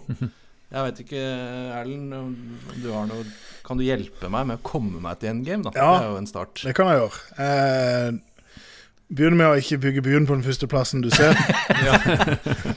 og så nummer to eh, ha mange byer. Ja. Eh, for det at eh, Spesielt hvis du spiller vanskelig og vanskelighetsgrad, så slår den der eh, Tory versus Rebel eh, Altså eh, hvis du fyller på med for mange Tory-folk, altså folk som er tilhengere av, av, av ikke løsrive seg, men den gamle kongen, så mm. vil du få eh, straff i form av at du får mindre produksjon av forskjellige ting. Ja, ja, ja. Men hvis du har små byer, spesielt innledningsvis, da, så slipper du unna de tingene der. Eh, så det er veldig lurt å lage seg små byer, og helst alle til kysten. Etter hvert så kan du vurdere å lage noe innenlands, hvis dette Men, men det, du er nesten avhengig av å kunne komme til med båt, eh, spesielt mm. på slutten. Så det er sånn, bare sånn, det er mange flere detaljerte ting man kunne tatt ned, men det var noe som revolusjonerte mitt spill ganske mye. For jeg, jo, jeg elsker å bygge en by stor, ikke sant? Ja, ja, sjæl. Ja, så, så, det er jo noe på en måte jeg har lært okay, i nyere tid. Så La meg bare notere her. Så uh, heller en by for mye, rett og slett? Ja, for det, det jeg, jeg, pleier alltid å drøye veldig lenge uh, med, med, den der uh, Hva var han heter for noe, han founding-faderen som du fikk Stockade sa når det var tre folk? Bruk navnet hans som du vil, du. Jeg vet ikke om det er riktig. Sød eller salsa, men ja, det var Men det var det Sør de Salat du sa? Sier de Salle, tror jeg han heter. Men, men iallfall, jeg pleier å, å skippe han helt til. For det å bygge en stockade er veldig billig uansett. Mm. Eh, det å ha muligheten til å droppe byen er spesielt verdifullt når du kommer til uavhengighetskrigen. Eh, mm. Så Minst liksom Noen sier at eh, Jeg har lest at noen sier at du kan ha liksom opptil 30 byer, men da kommer du til et av disse problemene med dette spillet, og det er jo micromanagement. Mm. Ja, for det er mitt neste spørsmål, men ja. Det, ja, jeg ikke så mye mer Men jeg vet ikke om vi skal komme inn på noen dårlige ting med dette spillet senere, for foreløpig har vi jo kun eh, Det høres ut som vi forguder det hele gjengen her. eh, men, men, det er jo noe av det som gjør at på en måte ikke jeg holder veldig lenge av gangen med dette spillet, er at mikroen Det er null automatikk som fungerer. Det er noen trade mm. routes, men den er, de er ræva. Eh, for de gjør aldri som du De dropper ikke ting av når du forventer at de skal droppe det av, og så kjører de rundt med varene i, i båten, og så har du ikke arms når du trenger de, og så eh, Ja, det er For det, det Jeg må bare si det når vi, når vi kommer inn på micromanagement, fordi det er eh, noe jeg virkelig oppdaga i voksen alder, når jeg plukka opp spillet igjen. Og liksom, fy søren, nå skal jeg kose meg, for nå er jeg voksen. Jeg kan lese engelsk, Ja. jeg kan google, jeg skjønner greia. ja. Og så liksom Å, fy søren, det går bra, og ting vokser, og jeg har ti kolonier, og liksom pengene ruller inn. Men så var det sånn Skal vi se, hvilken by var det som drev med sølv? Uh, hvor var det jeg produserte våpen? Hvilken by Ja. var det igjen? Ja, ja. Uh, og så bare uh, Og så jeg, På et tidspunkt for jeg tror ikke det er et par år siden, når jeg plukka det opp igjen, jeg satt med notatblokk ja, ja. og skrev navnet på byen og hva de drev med. Kult. Og så ble det bare Men det, til slutt så bare, det ble så mye, da. At jeg bare mista helt oversikt. Og bare, jeg bare ga opp. Men, men det må du jo gjøre med veldig mange ting i dette spillet, det der med notatblokker. Hvis, altså, jeg er litt sånn som du, at jeg gidder ikke det. Skjønner du hva jeg mener? Altså, det, blir- det, til slutt så blir det, da, da spiller jeg heller på min måte, så setter jeg ned vanskelighetsgradene, takk. Og så Ja, har det moro. Ja, Eh, for det, at det samme greiene er med byer, det er indianerbyene òg. Der sa jeg før, og så skrev jeg X og Y, og så hvilken Ja. spesialitet de hadde, og hva de ville trade. og- I nettopp. Men det blir jo ikke Det gidder jo ikke i et moderne samfunn. Nei 2023! Men i 1500, da kunne man gjøre det. Ja, ja, det var mer aktuelt å skrive. Men Eirik, jeg har lyst til å høre fra deg. For eh, hva, Mister du tålmodigheten da, eller, eh, altså, eller kjører du på videre da med en helt sinnssyk, eh, et helt sinnssykt system? eh, nå hadde jeg jo satt meg fore å runde det her før vi spilte det. Jeg trodde at jeg kom til å klare å gjøre det mange ganger før, uh, før podkasten, men uh, den uh, micromanagementen den tar over ganske heftig mot slutta. Men jeg klarte å fullføre et spill nå i forgårs. Da hadde jeg vel eh, 13-14 byer, og alle, dem, alle hadde da 20 pluss Eller ja, 15 pluss innbyggere, da. Og alle var Fortress, på en måte. Så du kan fortsatt lage store byer med masse soldater, artillery uh, osv. Uh, selv om du lager mange byer. Eller fordi du lager mange byer, nesten, kan, så får du til det. For da får du masse, så sykt mye handel. Uh, Men hvordan, hvordan, hvordan holder du styr på alt det Nei, her? Jeg også prøvde meg med trade routes, da, som jeg hadde Som jeg aldri gjorde noe med når jeg var liten. Men du kan ha sett opp trade routes som da i prinsippet plukker opp ting fra ett sted. Eh, eller du kan sette opp fire, fire nodes da på hver trade route. Eh, og så kan du på en måte assigne en, eh, en wagon train eller en, eh, et skip til å gå den ruta. Eh, og da i prinsippet så skal det på en måte bli litt sånn der Factorio-stemning. Sånn at du kan på en måte Her kan du lage det, og så kan du droppe av det her, og så blir det produsert. Eh, så er det en bug Skjønner. Som er sånn at hvis det er Jeg tror, tror greia er at hvis, du, hvis det er en vare som er boikotta i Europa, så gidder ikke vogntogene eller skipene å droppe av de varene når de kommer fram i koloniene dine. Er det derfor? Jeg tror det. og det er jo helt uh, på trynet. Uh, og som gjør at alt bare bryter helt sammen. Uh, og I tillegg så går det ikke an å på en måte sette noe sånn der noe, Det hadde vært fint å kunne sette noen sånne if-tester. Altså Hvis det allerede er 300 år i denne byen, så ikke last 200 til, sånn at de går til spille. For det, altså. Du har en viss maks kapasitet for varer i byen. Eh, og du kan bygge warehouse og warehouse extension for å på en måte Eller expansion for å, for å utvide det, men 300 er liksom absolutt maks. Um, og det er jo ikke noe vits i å ha mer enn det.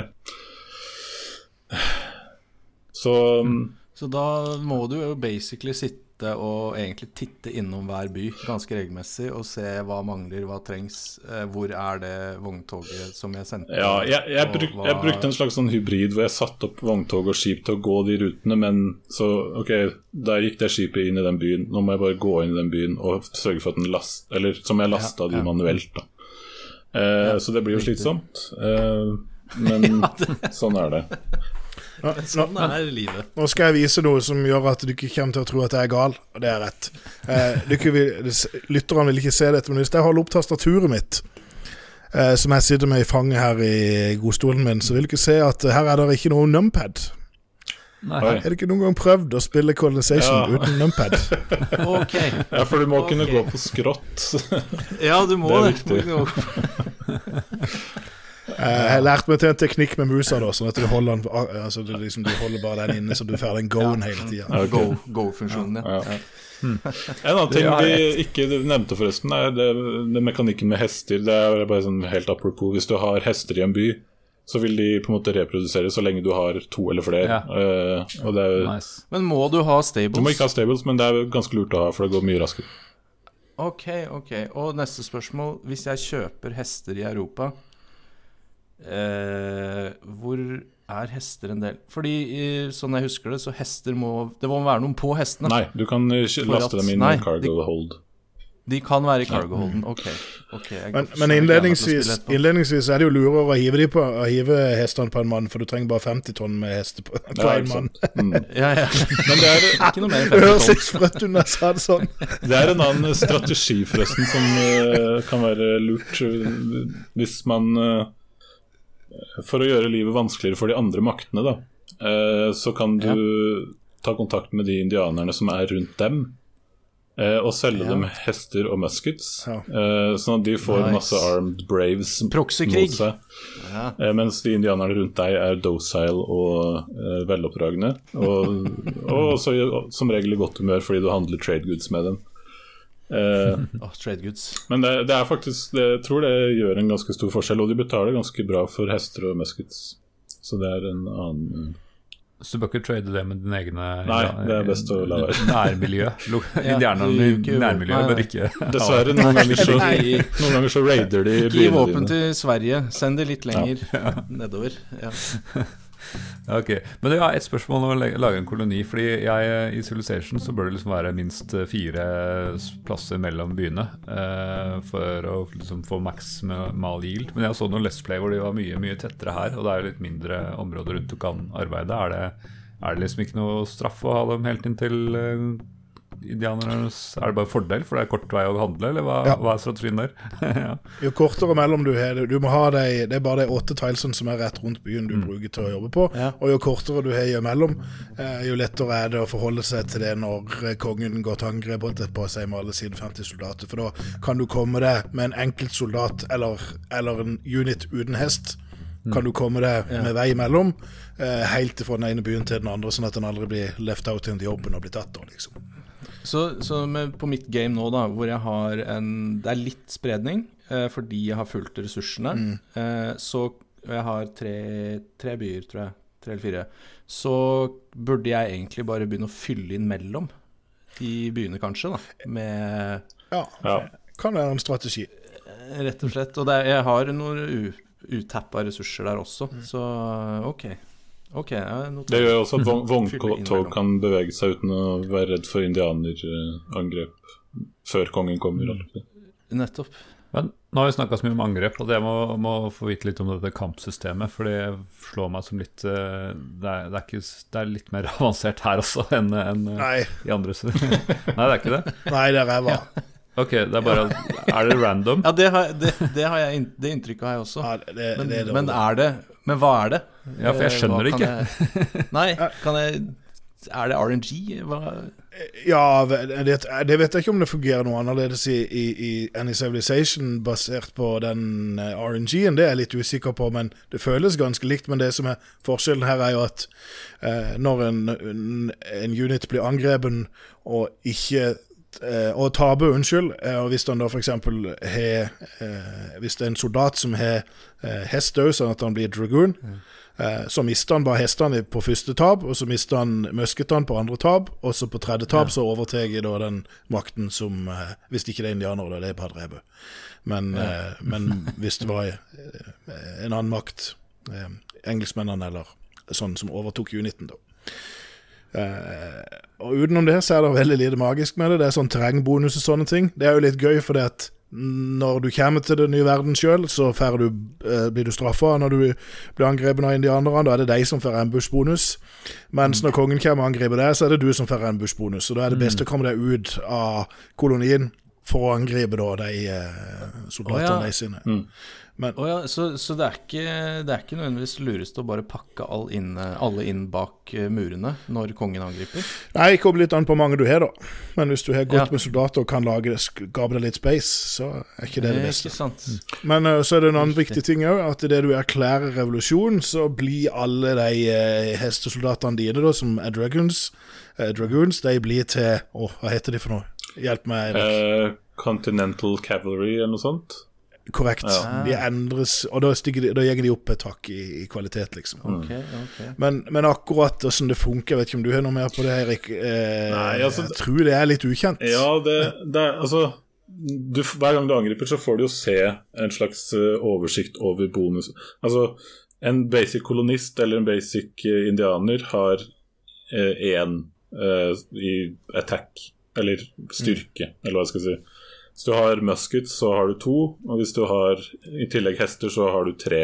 Eh, hva de tallene betyr, vet jeg ikke, for eh, skip har de samme tallene, og der er, går de mye høyere, sånn som f.eks.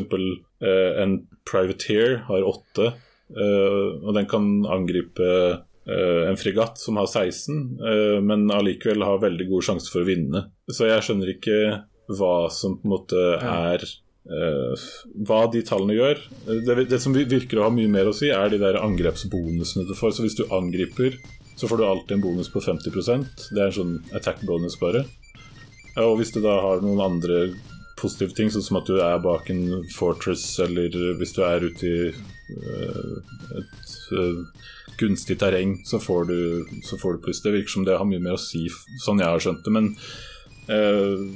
så mange ganger har jeg blitt frustrert over hvor ofte jeg taper en kamp som jeg bare Det her ga ikke noe mening. Eh, så jeg skjønner ikke helt hvordan, altså hvordan det regnes ut, eh, det, det forstår jeg ikke.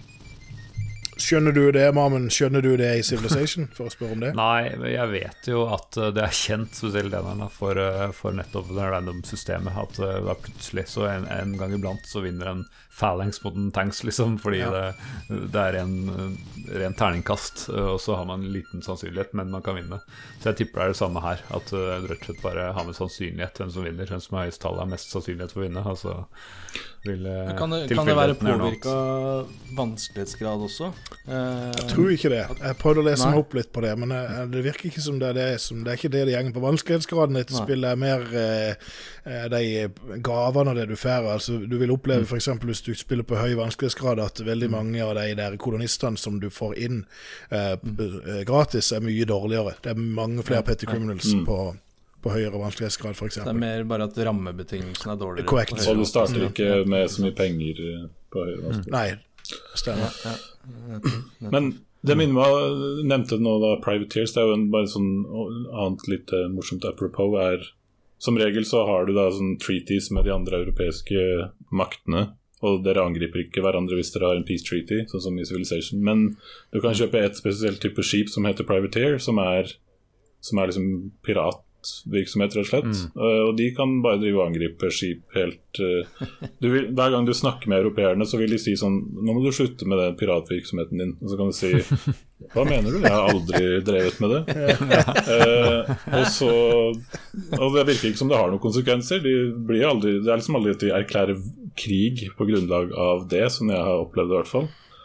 Eh, og de, de er bra for å drive og stjele varer eh, fra og synke, senke skuter eh, hos de andre maktene. Nei, så, så jeg kan bygge meg en Eller kjøpe eller bygge meg en privateer, og så kan jeg eh, drive og For den er, sånn jeg forstår det, den vinner RNG. Eh, Altså Den har i hvert fall en god sjanse for det. Sånn for, ja, ja. Så da kan jeg i hvert fall merchant Ja, ja. da. Kan jeg drive og jakte merchant bands fra, fra mine fredelige engelske venner, Mm. f.eks. Som jeg er i fred med, og så bare rane de Ja. Ok, noterer da. og det er en, Eh, sorry, sorry. det er en Eh, founding father også som gir deg bonus til privateer-virksomhet. Jeg husker ikke. Ja, stemmer det. Noterer meg det også. Beklager, Ellen. Jeg avbrøt. det. Jeg, har glemt hva det var jeg skulle si, så det sa vi. Du skal angripe med privateers Ja, ja, ja. fra nå av. Og bygge mange byer. Det kan hende det blir det. Jeg tror jeg må legge vekk det spillet litt etter dette her, for det er nå søvnløse Ja. netter. Det, jeg, Men eh, eh, strategi eh, på da å vinne endgame, for hva skjer idet vi deklarerer eh, independence her? Raser det inn med soldater og Man of War, som er en båt du ikke kan få kjøpt sjøl. Og så angriper de og angriper de. Men du vet, vet du hva? Jeg tror det er bedre at Eirik tar denne fasen, for eh, jo, det syns jo jeg er det kjedelig med et spill. Altså, Ja, Når du kommer så langt som det, så er det ikke Da er egentlig jeg ferdig. Nei. Det er, der tror jeg vi er litt like, Erlend. For jeg også syns å bare stå og trykke attack, attack, attack, Ja. attack i runde etter runde etter runde. Eh, men Eirik, du er en pro er gamer. pro gamer. Eh, hjelp oss. Ja, nei, da, altså i løp, Mens du driver og spiller, så ser du iblant at kongen driver og eh, øker sin Royal Expeditionary Force. Det får du sånne meldinger om. Og at kolonistene er outraged osv. Um, og det er, du, du har en liten meny i eh, spillmeny som du kan gå inn på og se Se hvor mye styrker kongen har til enhver tid. Så det er liksom bare hvor mye, hvor mye kommer han til å angripe med når du nå en gang eh, erklærer uavhengighet.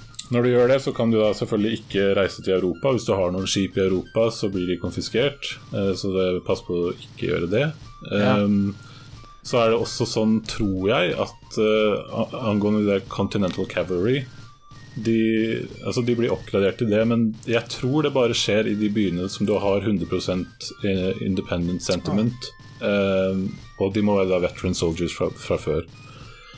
Um, og da, da eh, Runden etter at du har erklært uavhengighet, så lander kongen med sånne Man of War-skip, som du sier. Uh, med en masse eh, soldater og artilleri utafor en av byene dine. Eh, Det er ikke tilfeldig valgt. Jeg tror han som regel velger enten den svakeste byen eller den som har la lavest eh, independent sentiment, eller et eller annet sånt. Um, og så begynner han bare å angripe, egentlig. Um, du har forhåpentligvis Fortress på den tiden, så, så de skyter tilbake mot Man of War og får senka en del av de skipene der. Så det er jo ofte Det er jo litt spennende. Um, og så er det egentlig bare at du må drive og Du må bare passe på at han ikke får tatt noen byer, eh, og bekjempe alle soldatene hans. Ehm, Og når du har gjort det, så sier han OK, screw it, dere Det er ikke verdt Så sender han et brev om at det er ikke verdt å drive og holde på, de, holde på med dere. Snakkes. Eh, og da Da har du klart det. Eller har du på en måte runda spillet? Det er det som er målet, å få uavhengighet. Og får du en sånn der eh, splash screen som er eh, Eller en slags liten video med folk som kaster sine hatter i været, og det er fyrverkeri utafor en sånn town hall. Eh, en annen, altså du, noe du bør ha gjort eh, for lenge siden før du går inn i den krigen, er å bygge sånne custom houses som du kan bygge når eh, Peter Stuvesant blir eh, medlem i Continental Congress. Eh, det gjør at du kan handle varer med Europa uten å seile fram og tilbake. Eh, så den byen som har custom house, kan bare selge varer direkte. Og den kan også selge boikottede varer. Ehm, og når du da erklærer uavhengighet, så er det den eneste måten du kan få penger på. da Men altså Hvis du har spilt riktig, eh, så har du så mye soldater på det tidspunktet at eh, den uavhengighetskrigen den varer i to-tre år, og så er du ferdig. Han lander med nye soldater hver runde, men som regel så enten så tar du nesten alle av dem, eller så ødelegger han resten på å angripe byen din. Eh, og så kommer han en ny runde, eh, og det samme skjer eh, en gang til. Ehm, det kan være lurt å prøve å plassere soldater sånn at han må lande på terreng som du får bonus for å angripe mot, for det er noe terreng du ikke får det.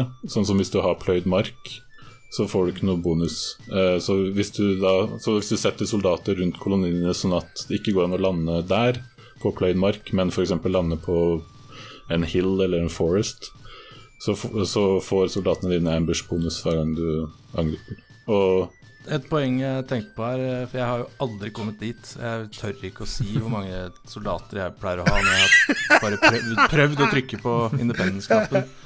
Jeg hadde vel knapt overlevd eh, en innbruddstyv. Men eh, det er jo ikke Det er jo ikke upkeep på soldater i eh, Colonization Ja. versus de fleste Civ-spillene, så er det jo en eller annen form for upkeep. Mm. Så så lenge din produksjon av våpen er høy nok, så kan du jo ha en hær som flyter ut i sjøen, og det koster deg jo Nei. Eh, verken i mat eller penger. Ja, det er ikke noe keep. Så, så det er jo et poeng, et poeng. faktisk. Men har man denne store hæren fordi man skal være inne på, erklære uavhengighet, eller er det fordi man er i så mye kriger med natives og Nei, nei, nei, du trenger sånn- ikke- Nei, okay. De er, de er litt aggressive, men du, du holder med et par soldater for å stå imot de, liksom. Ja, så hvis du ikke har tenkt å erklære uavhengighet, så trenger du ikke så veldig mye soldater, egentlig. Nei. Hvis du liksom dropper ja. mm. Det er lite, lite Hvis du vil holde fred med europeerne, så er det jo lett. Det du gjør eh, Altså, det er ikke noen reell motstand, for AI-en er så dårlig at det Ja, når du tar over en by fra en europeisk makt og ser Mm. hvordan de har plassert eh, kolonistene sine, så skjønner du hvorfor ikke det går så bra med den. uh, men ja, artilleri er jo en egen sånn uh, unit som kanskje som er verdt å nevne at uh, det er Det er noen ting som du kan kjøpe i Europa som som det er artilleri, som er en veldig sterk angrepsgreie, men som er veldig svak hvis den blir angrepet ute i åpen mark. Men er veldig god til å forsvare byer. Så den får minus 75 hvis den blir angrepet i åpent lende. Og så kan du kjøpe da skip eh, i Europa, det, men begge de tingene kan du etter hvert bygge i koloniene dine når du da har bygd en armory eller en shipyard. Um, men en annen ting som vi ikke nevnte, tror jeg, er at uh, i tillegg da til den der poolen av tre kolonister um, som, du, som randomly fylles opp, så kan du da bestille spesifikke eksperter fra The Royal University. Ja. Uh, men de vil da koste som, som regel mye mer penger. Uh, men etter hvert som den der prisen for de tilfeldige kolonistene øker og øker, så vil det etter hvert være lurere å bare kjøpe masse ore miners. Billigere, Ja, bare kjøpe ore miners, og så kan du clear specialty når de kommer til uh, Ja. Når de kommer til koloniene dine. Stemmer det. En liten cheese-mulighet cheese-mulighet der, ja. For det er den billigste spesialisten å kjøpe fra Europa, er det ikke Jo, det? nettopp. Så den koster 600. Så når den prisen har gått over i den andre poolen, så er det Og da, ja, For å bare avslutte, så når du er ferdig med spillet, uansett om du har eh, vært uavhengig eller ikke, så, kan, så får du jo se en colon- colonization score. Som jeg alltid syntes var veldig morsomt da jeg var liten. For da får, Ja. da, Da da får du først se alle poengene du får, og så blir du oppkalt etter et eller annet. Uh, så starter på en infectious disease eller et eller annet sånt. Hvorfor kjenner jeg igjen det når du sier det? Så da jeg var liten, så klarte jeg vel å komme liksom til uh, en skole eller en bro eller et eller annet sånt. Uh, Men denne gangen så, så var det første gang jeg liksom klarte å komme til the top notch, da, som var et kontinent. Så det var kult. Fått et oppkalt et kontinent etter det, ja. Det er solid. Ja, det, Ikke mange som kan skryte. Jeg har ikke, det har ikke jeg klart, for eh, så langt jeg Da er jeg alltid lei før jeg kommer så langt. Det er det, er det som er selve hemmeskoen med dette spillet, at det er så, det er så kjedelig på slutten at du liksom ja, Jeg gidder ikke avslutte. nei, nei, jeg er enig i det. Jeg er enig. Ja. Vi må videre. Vi har, dette kommer nok til å bli lengste episoden vi har hatt, og vi har en del igjen på programmet. Så vi er, går litt bort fra gameplay. Altså Vi har snakket litt om musikken, for den uh, må jo kunne kalles uh, magisk uh, midi. for eh, ja, jeg la merke til at de gjenbruker litt uh, bl.a. Aztek-musikken fra Civilization, som for så vidt gir mening. Eh, og så er jeg ganske sikker på at noe av dette har jeg hørt i eh, Railroad Tycoon også, at de også gjenbruker noe derfra. Eh, så jeg tror de, de har vært smarte der. Og du har vel så vidt inne på det, Sigve, at en del av disse er jo kjente folkemusikk eller sånne tunes som, er, eh, som ikke er originale. Eh, men eh, sånn røftlig halvparten tror jeg er originalmusikk av de som har lagd det. Det er så høyt, da. Ja, for det, dette her er sånn typiske smålåter som du kjenner Hvis du søker etter, etter Civil War-tunes eller sånne ting, så er det sånne ting du finner igjen. Og det, som du sier, det er mitt, først, mitt første møte med mange av disse sangene, det er jo i dette spillet. Uh, men på den 386-en jeg hadde innledningsvis, så hadde vi jo bare PC-speaker. Så da, jeg Ja. hørte ikke disse før jeg fikk min egen Pentium 100 ja, ganske mange år etterpå. Men uh, allikevel så var det liksom Ja, det har satt seg, for å si det sånn. Ja, og det er, det er liksom det, det sitter i hele kroppen, i alle cellene mine, og jeg kjenner igjen når som helst og hvor som helst. Men ja, jeg har jo egentlig ikke peiling på uh, hvor låtene er fra. Og jeg har jo etter hvert skjønt at noe av det er sånn type eh, fol folketoner fra den tiden, som liksom er klassisk og ligger der ute, og du ikke bare kan gjøre om til midi. Eh, men at det er gjenbruk da, av microprose musikk og sånne ting, jeg har ikke peiling. Men jeg kan fortelle deg hvor musikken er fra, hvis jeg hører den randomly. Ja. Hvor som helst. Så kan jeg si at uh, den er i hvert fall en del av Colonization. Altså, For jeg har hørt noen timer på den musikken der. Ja, og den er veldig trivelig musikk. Uh, og jeg, jeg, uh, altså jeg, har ikke noe, jeg har ikke hørt dette så mange andre steder. Det var først nå at jeg ble litt tipsa om det, at jeg oppsøkte noen ordentlige versjoner her og der. Og jeg kan ikke si at det er noe jeg ja, Enkelte sånne Independence tunes uh, har jeg selvfølgelig hørt, uh, men, men mye av det ikke. Og min, min favoritt er den som heter Benny Morn. Uh, den er min Nei, Bonnie. Unnskyld. Bonnie Morn. Det er min favorittmusikk fra Colonization. Jeg tror min favoritt faktisk er Fountain of Youth, for den hører du ikke Den hører så sjelden. Og den Ja, er så litt eksklusiv. Ja, og den er veldig sånn derre Ah, yes! Nå, nå kommer det til å strømme til. Mm. Ifølge denne viken så er de fleste av disse som ikke er originale, basert på versjoner av The Virginia Company. Så, så da skal de det, de er versjonen som har vært inspirasjonen til midi-musikken. Det er litt artig, eh, tykker jeg, at eh, Dette visste ikke jeg heller før opp nå, men jeg har ei eh, en stor samling av DOS-spill fra en, en dude som har samla sammen en, en, masse greier som kjører i DOS-boks. Eh, en som heter Exo, eh, som er samla sammen masse greier. Det er jo basically det som de gjør på GOG, bare eh, veldig mye bedre. Og han har da lagt inn i startupen på det spillet, så har han lagt inn at du kan velge mellom de tre lydkortene som blir støtta. Ja. Og det er veldig kult, for at, eh, jeg har jo aldri hørt rollen, jeg har jo bare hørt rykte om rollen helt fra jeg var liten, ikke sant. Samme her. Så og det var, ja, var sånn en liten artig ting, da, at det, det er ganske distinkt forskjell i sounden på det, egentlig. Men eh, det, det blir jo gjerne sånn at man ender opp med å foretrekke det man hørte da man var liten, så det er jo liksom sånn, bla- sånn blastertrekket man ender opp med. Mm. Jeg syns i hvert fall vi må innom at uh, denne versjonen vi har snakka om så langt, er jo altså fra 1994. Men uh, det har jo kommet to slags uh, oppfølgere, eller nye, nye versjoner. Det ene er det helt open source free call. og det andre er offisielle ja, Firaxis, som gir ut Civilization-spillene, hadde vel en sånn hva kalles det, standalone expansion, eller en uh, spin-off fra Civilization 4 som het Colonization i 2008. Uh, og den sistnevnte tror jeg jeg og Sigurd spilte en helaften på i 2008, og det var, var ikke rørt verken før eller siden. Og jeg tror de hadde litt av de samme problemene med at det, åh, det var så mye handel jeg ikke helt skjønte hvordan jeg skulle få tak i årene. Og det, jeg gikk i de samme fellene. Men uh, har dere noen brukt, spilt noen av disse to eh, versjonene, og kan eventuelt sammenligne litt? Jeg, jeg har spilt begge to. Jeg har ikke spilt Freecall mye, men det 2008-versjonen spilte jeg en god del. Eh, og jeg tror mer det var eh, lengselen etter at det skulle komme en oppfølger eller en remaster eller et eller annet som gjorde at det Jeg, jeg spilte det ganske mye, eh, men eh, jeg vet ikke. Å gå tilbake til det nå, det var ingenting gøy i det hele tatt. Men det er sikkert litt med å gjøre at det, siden det bruker alle samme mekanikkene som Civilization 4, som man på en måte har eh, nå gått ifra, så eh, tja.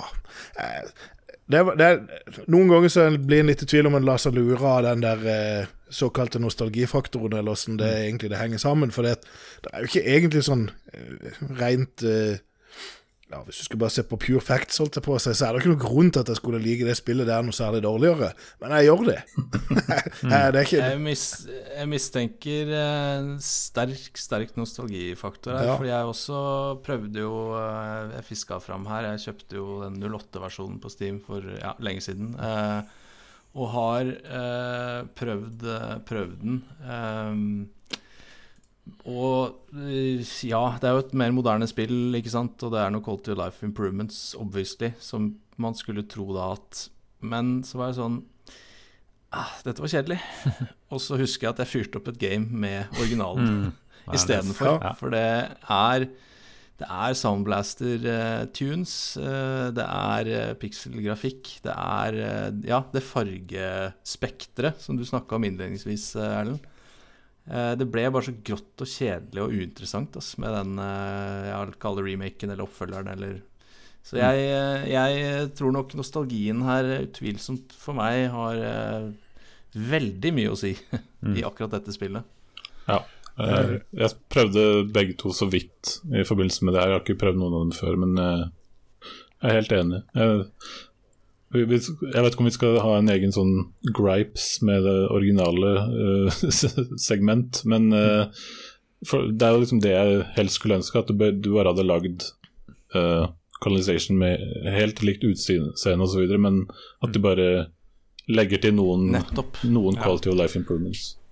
Nettopp. Ja, for det er veldig Det viktig å er min drøm. Ja, for det er veldig viktig å si at de freecall er ikke sånn som for Open TDD gjør med Transport Tycoon, som prøver å ta de, lage det identisk, bare, bare bedre, liksom. Det er eh, helt annen grafikk og utspiller seg litt annerledes. Så det er blant annet det minner litt mer om Civilization 2 enn 1, Ja. at det er sånn isometrisk 3D, for.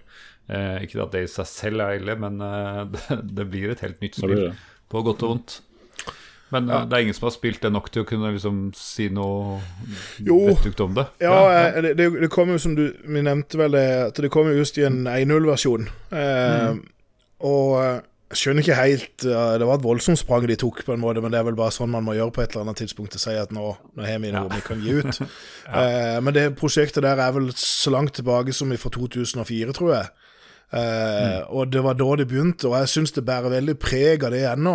Eh, på det tidspunktet så var det vel gjerne Civilization 3, kanskje, som var på en måte den, det rådende av de Sid Meyer-spillene. Eh, og, og, og dette her ligner jo mer egentlig på, på Civilization 2 eh, i utseende, eh, bare det er litt Jeg vet ikke. De, det, det er litt gråere, men men så er det det, det Jeg spilte det såpass lenge til at jeg, det, at, jeg kom til den fasen nå òg, der du eh, eh, begynner å gå lei på eineren, altså, eller på den originale versjonen. Og eh, de, de har ikke klart å gjort de tingene der, sånn at du kan unngå den microinga som du må gjøre eh, på originalen. Ah, okay. Og da for, det, for det, det var det som kunne på en måte ha styrt meg over til å faktisk begynne å spille det spillet i stedet for. Eh, hvis de hadde gjort så mye bra quality of eh, life improvements der at, at man kjente at eh, OK, yes, disse tingene som var kjedelige med den originale, det er vekke. Og de har jo klart å barbert vekk en god del.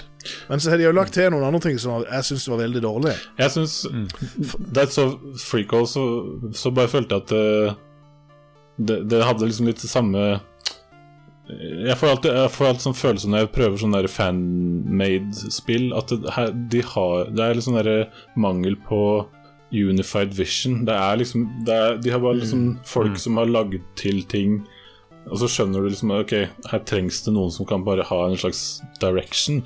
Uh, og det Ja. Jeg syns ikke det virka som de hadde det. Nei, det, og det er jo det jeg føler det, Vi nevnte det i, med Mammen her i stad med, med Transportikun, at de har gjort absolutt alt rett. Altså, Det er den perfekte open source-klona som fins, altså. Yes, enig. Eh, og kan ikke skjønne, det, for det er jo så gammelt det prosjektet, at ikke flere har valgt å gå den samme veien. Ah, det er jo eh, Open Nei, hva heter det for noe? Eh, det der Team Hospital. Det er jo òg en lignende greie. Men det er, det er ikke helt den samme holdbarheten i de spillene som, som det Colonization og, og Coon har. da. Eh, så det, det, spiller mindre rolle der. Det går greit å spille de gamle spillene eh, når det er sånn som Team Hospital. Men men jeg, jeg syns de har bomma på Men det, det kan- godt være at dette var den riktige retninga å gå i 2004, men, eh, når det begynte. Men så har det Ja, De- de har ikke klart å følge 20 opp. år senere. Ja, Nei, sant? for det er Det er Det, er, det, må, det må være grafikken, altså. Det må, for meg, det må være uh, Colonization original, og så fikser man eh, under panseret. Det, det er det jeg trenger. Og jeg liker å tro at det er egentlig det folk vil ha. De vil ikke ha et liksom Siv 4-5, men med colonization gameplay, egentlig. Eh, det er liksom, ja, ref eh, den perfekte fan-remake eh, fra Sport Tycoon. eh, Det er åpenbart at det er grafikken og stemninga eh, folket vil ha. Og det ser man jo hvor populært det spillet er blitt. Mm. Ja. Eh, det eneste forskjellen grafisk er at du kan zoome litt mer ut. Det er liksom Ja. Så det, Men det er lov å drømme. Ja, og så, er tenker jeg jo at jeg har ikke gitt det helt opp det prosjektet der ennå. For det at, eh, nå skulle de komme med noen gode sånn bugs, eh, eh, patching nå om ikke lenge til. Eh, det er jo egne grafikere på en måte som holder på med sine egne ting, som gjør at det ble en, en del eh, penere, syns jeg, enn det det var i utgangspunktet. Så, så kanskje ikke en skal for, forkaste det ennå, men i den standen det er i nå, så syns ikke jeg at det, det, det, er ikke, det er ikke det er ikke verdt å bruke tid på i forhold til originalen. og Det er mitt syn på det. Ja, jeg prøvde freecall eh, fordi Mamen tipsa meg om det, og jeg bare download umiddelbart, for dette må jo prøves. Eh, Starta det opp, syntes det så rart ut. Eh, skjønte ikke helt UI-en. Eh, fikk ikke til å trykke på Så jeg tror jeg spilte kanskje ti minutter, og så bare Ja, sletta, sletta hele dritten. ja, Okay. Så jeg, jeg trenger Det må være mer sexy for meg før jeg prøver på nytt. Det må Da det. prøver vi 20 år til, til 2.0-versjonen kommer, Ja, så blir det kanskje ordentlig bra da. ja, ja. Du, jeg har litt lyst til å høre hva våre lyttere har skrevet på Facebook og Twitter. For eh, nå har vi snakket lenge, og jeg vet at det er eh, et Sid Meier-spill. Det tiltrekker seg visse oppmerksomheter, så det tror jeg Det det har gjort denne gangen òg. Det gjør faktisk det, og, og ikke minst det storspillet Colonization eh, tiltrekker seg jo sterke meninger. Mm. Vi kan svinge inn på Facebook, eh, hvor vi har ikke bare en post om at vi skal snakke om dette, men vi har en eh, custom-made drawing av Ja, ja. vår eh, jeg vil nesten si inhouse-artist, Mm. eh, Anette, eh, som har gjestet oss flere ganger. Eh, så gå og se på det bildet. Det er dritkul tegning. Her er det litt eh, bevegelse. Eh, Jan Valentinsen sier 'supert spill'. Brukte mye tid på dette sammen med en kompis. Klarte ikke å vinne spillet før vi fant ut at det gikk an å redigere noen parametere i spillfilene. Eh, kanskje flere som kjenner seg igjen i det. Jeg visste ikke det da. Jeg skulle gjerne visst det. Eh, fikk da solgt hvete eller hva det var, til en høy pris i Europa, for å så kjøpe billige soldater. Ja, det er vel en cheat code her, eh, som kanskje ville vært lettere, men eh, det kan vi komme tilbake til. Det er kanskje det Christian Enersen skriver her. Alt pluss win. Digget det som kid. Skjønte mye mer som voksen. Veldig artig spill. Spiller det fortsatt av og til. Ja. Følger med han. ja. Enig. Ja, for du holder inne alt, og så skriver du WIN, er det ikke det? Da får du opp uh, cheat-meny-valget oppe på toppen. Eh, for de som trenger det. Eh, Asbjørn Bakke sier eh, Oi, oi, et av mine favorittspill. Binge-spiller det fremdeles av og til med Colonization Game Soundtrack på Spotify. Den musikken, altså. Ja, der er vi jo litt enige. Den veier opp for at man kan telle alle pikslene i spillet. Jeg ser ikke det som et problem. Nei, enig. Det er jo Når jeg spilte som liten, så drev jeg også og jukset med prisene i Ja, ok. Jeg jukset med prisene i names.txt. Til slutt gikk juksinga så langt at spillet helt sluttet å virke. Det var jammen harde tider før jeg endelig fikk tak i en ny kopi. Å ja, såpass, ja. Sånt skjedde aldri på Amiga. Eh, ok, det er flere positive ting med Amiga, tydeligvis, enn bare grafikken. Eh, må nok si at jeg liker det bedre enn Siv. Jeg er faktisk enig i det. Brannfakkel. Noen som har lest uh, Colonization-manualen, forresten, ser ut til å være 135 tettpakkede sider med godstoff og nyttige Player Aid Cards på tampen der. Ja, Og til slutt så den menyen har vi eh, sittet Nei, den manualen har vi jo titta i, og det stemmer jo det. At det var mye, mye godsaker der. Ja, for der har du både litt historielessons, Mm. men også litt gameplay-tips tips and tricks. yes. Så uh, videre sier Eivind Kvåle Colonization var et helt fantastisk spill når det kom. Detaljstyringen når du først hoppet ned i varehuset og alt som kunne tilbys, var enormt. Husker svært godt dette spillet. Lånte min stebrors PC for å spille dette klassespillet fra 90-tallet. Møtet med indianerne og hvor enormt vanskelig det var når du først fikk til å løsrive deg fra kronen, husker jeg godt. Ti av ti spill. Hei sann. Har kjøpt remaken, men følte det ikke nådde helt opp. Var vel mindre kompleksitet i det. Ja, vi er vel litt enige her at Mm. de har ikke, det har ikke kommet noen bra remake ennå. Carl Peder Sjømeling. Jeg besøker fortsatt The New World jevnlig. Og da mener jeg selvfølgelig i DOS-versjonen. Der, endelig. Yeah. endelig. Av Colonization, og ikke avkoke av en remake fra 08 eller når det var. Enig. Jeg satt faktisk senest i dag og nynnet på et av sporene fra soundtracket. Fantastisk musikk og herlig gameplay. Og så har det holdt seg akkurat like bra til dags dato. Eh, så tror jeg vi bare går litt videre her til Olav Øyan, som faktisk Det skal jo nevnes at han skriver en stil, han eh, Carl Peder. Så Ja, han eh, Gå inn og les, for her er det mye bra. Men jeg tror, eh, Ja, jeg tror folk skal få lese det selv. Ja, enig. um, Olav Øyan han skrev en historieoppgave basert på colonization på ungdomsskolen. Det er ganske fett. Mm. Læreren undret seg hvorfor jeg valgte Nederland som kolonimakt. det vet vi, og svaret Og svaret, som selvsagt ikke ble fortalt, var at jeg på den tiden spilte Colonization med Nederland, my man, og hadde glemt oppgaven, så da skrev man det lille man kunne. Tror ikke oppgaven ble særlig bra. bra. Ble for mye skriverier om indianere og jesuitter. uh, og dette er gøy. Ironien her er at jeg i etterkant er utdannet, har utdannet meg til historiker og jobber som lektor. Så her skjer det, det skjer gode ting hvis man spiller data.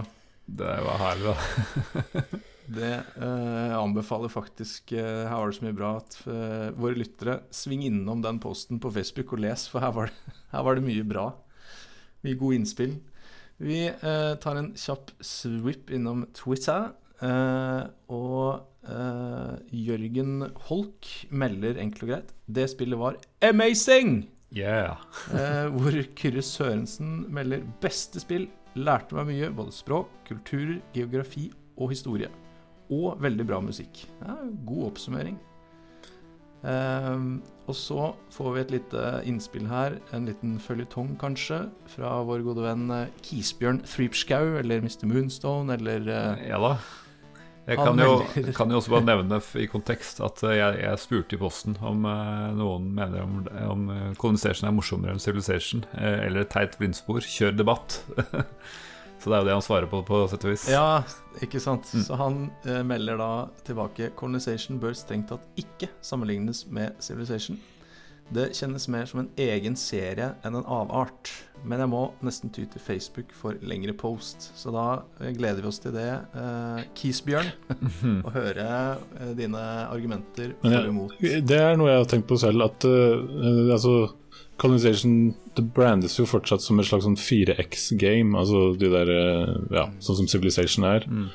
Exploit, Ja. exploit, ja. Men, men eh, det, ha, det er jo et spesielt game i, den forstand at du, det er jo ikke meninga f.eks. at du skal drive og bygge overalt. Du skal bare være som regel ved kysten.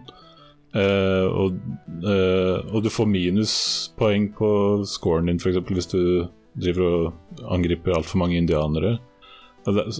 Ja, og du kan jo ikke vinne domination victory sånn i Civilization terms. så det er jo Det er kun én victory. Jeg er jo enig for så vidt med han at det er, eh, det er litt annen, litt annen sjanger, vil jeg si.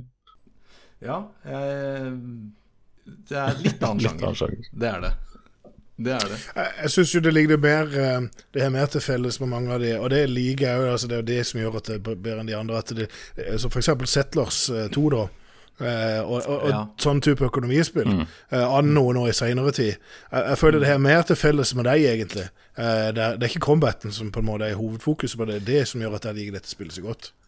Det er jo et godt poeng, for det er lett å tenke eh, sånn face value at ja, det er en Siv-avart eller Siv. Men, men ja, når du nevner sånn som Anno Settlers Det er jo ikke et domination-spill.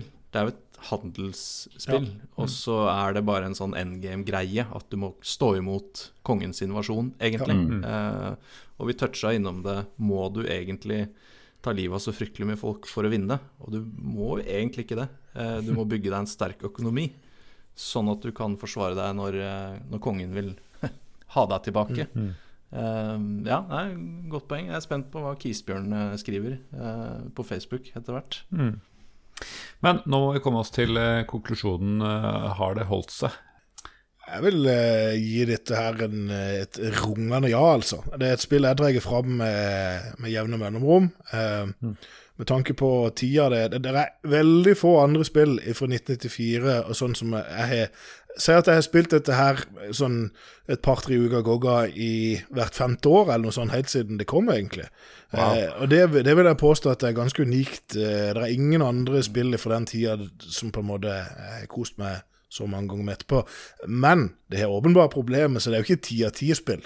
Så det er, jo derfor det, hadde, det er jo derfor denne drømmen lever videre om dette open source-prosjektet som, som faktisk tar uh, kildematerialet på alvor, da. Men, eh, men definitivt ja. Ja, jeg er, jeg er helt enig. Det, jeg hadde det kjempegøy med å spille det igjen.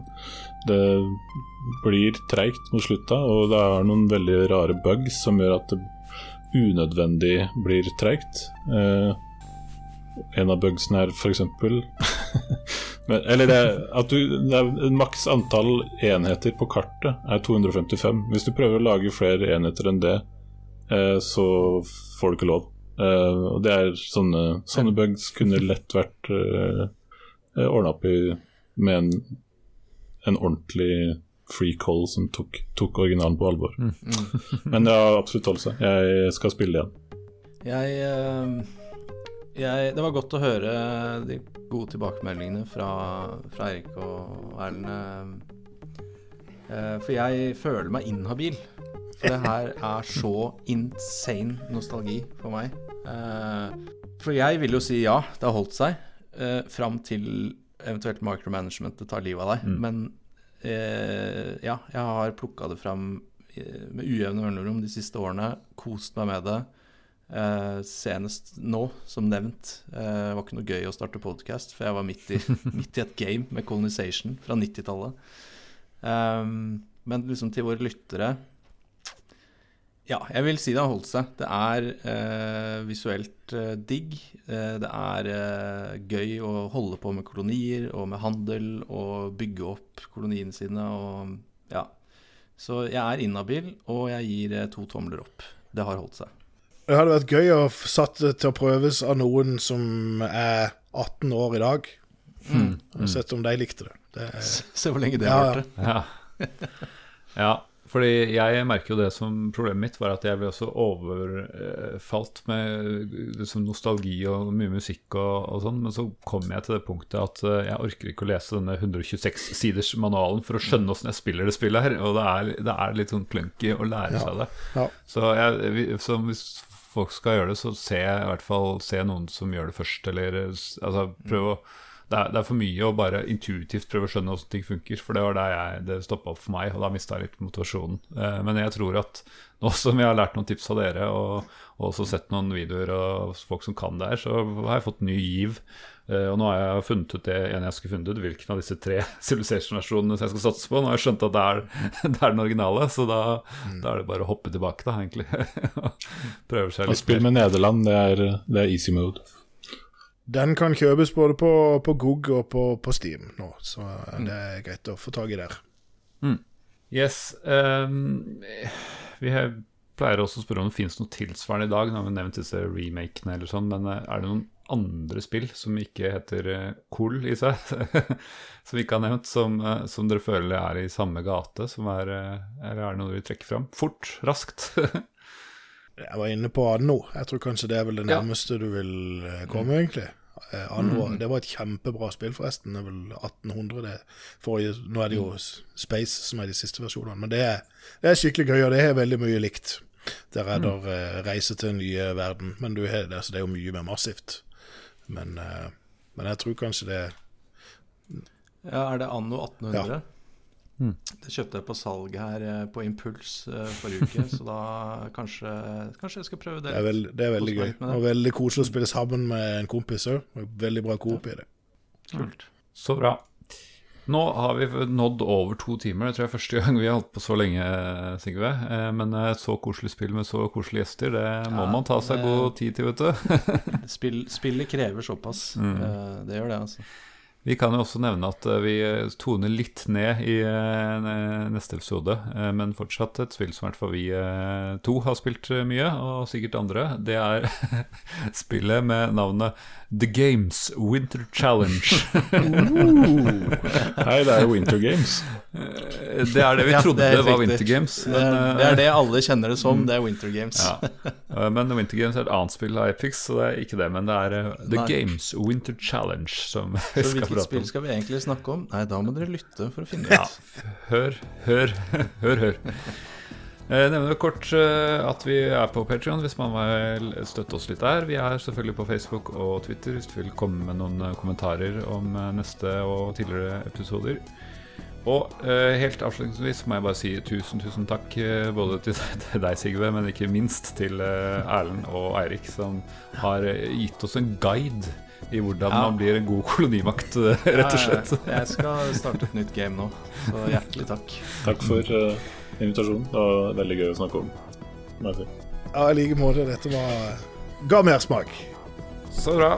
Adjø. Ha det bra. Ha det bra.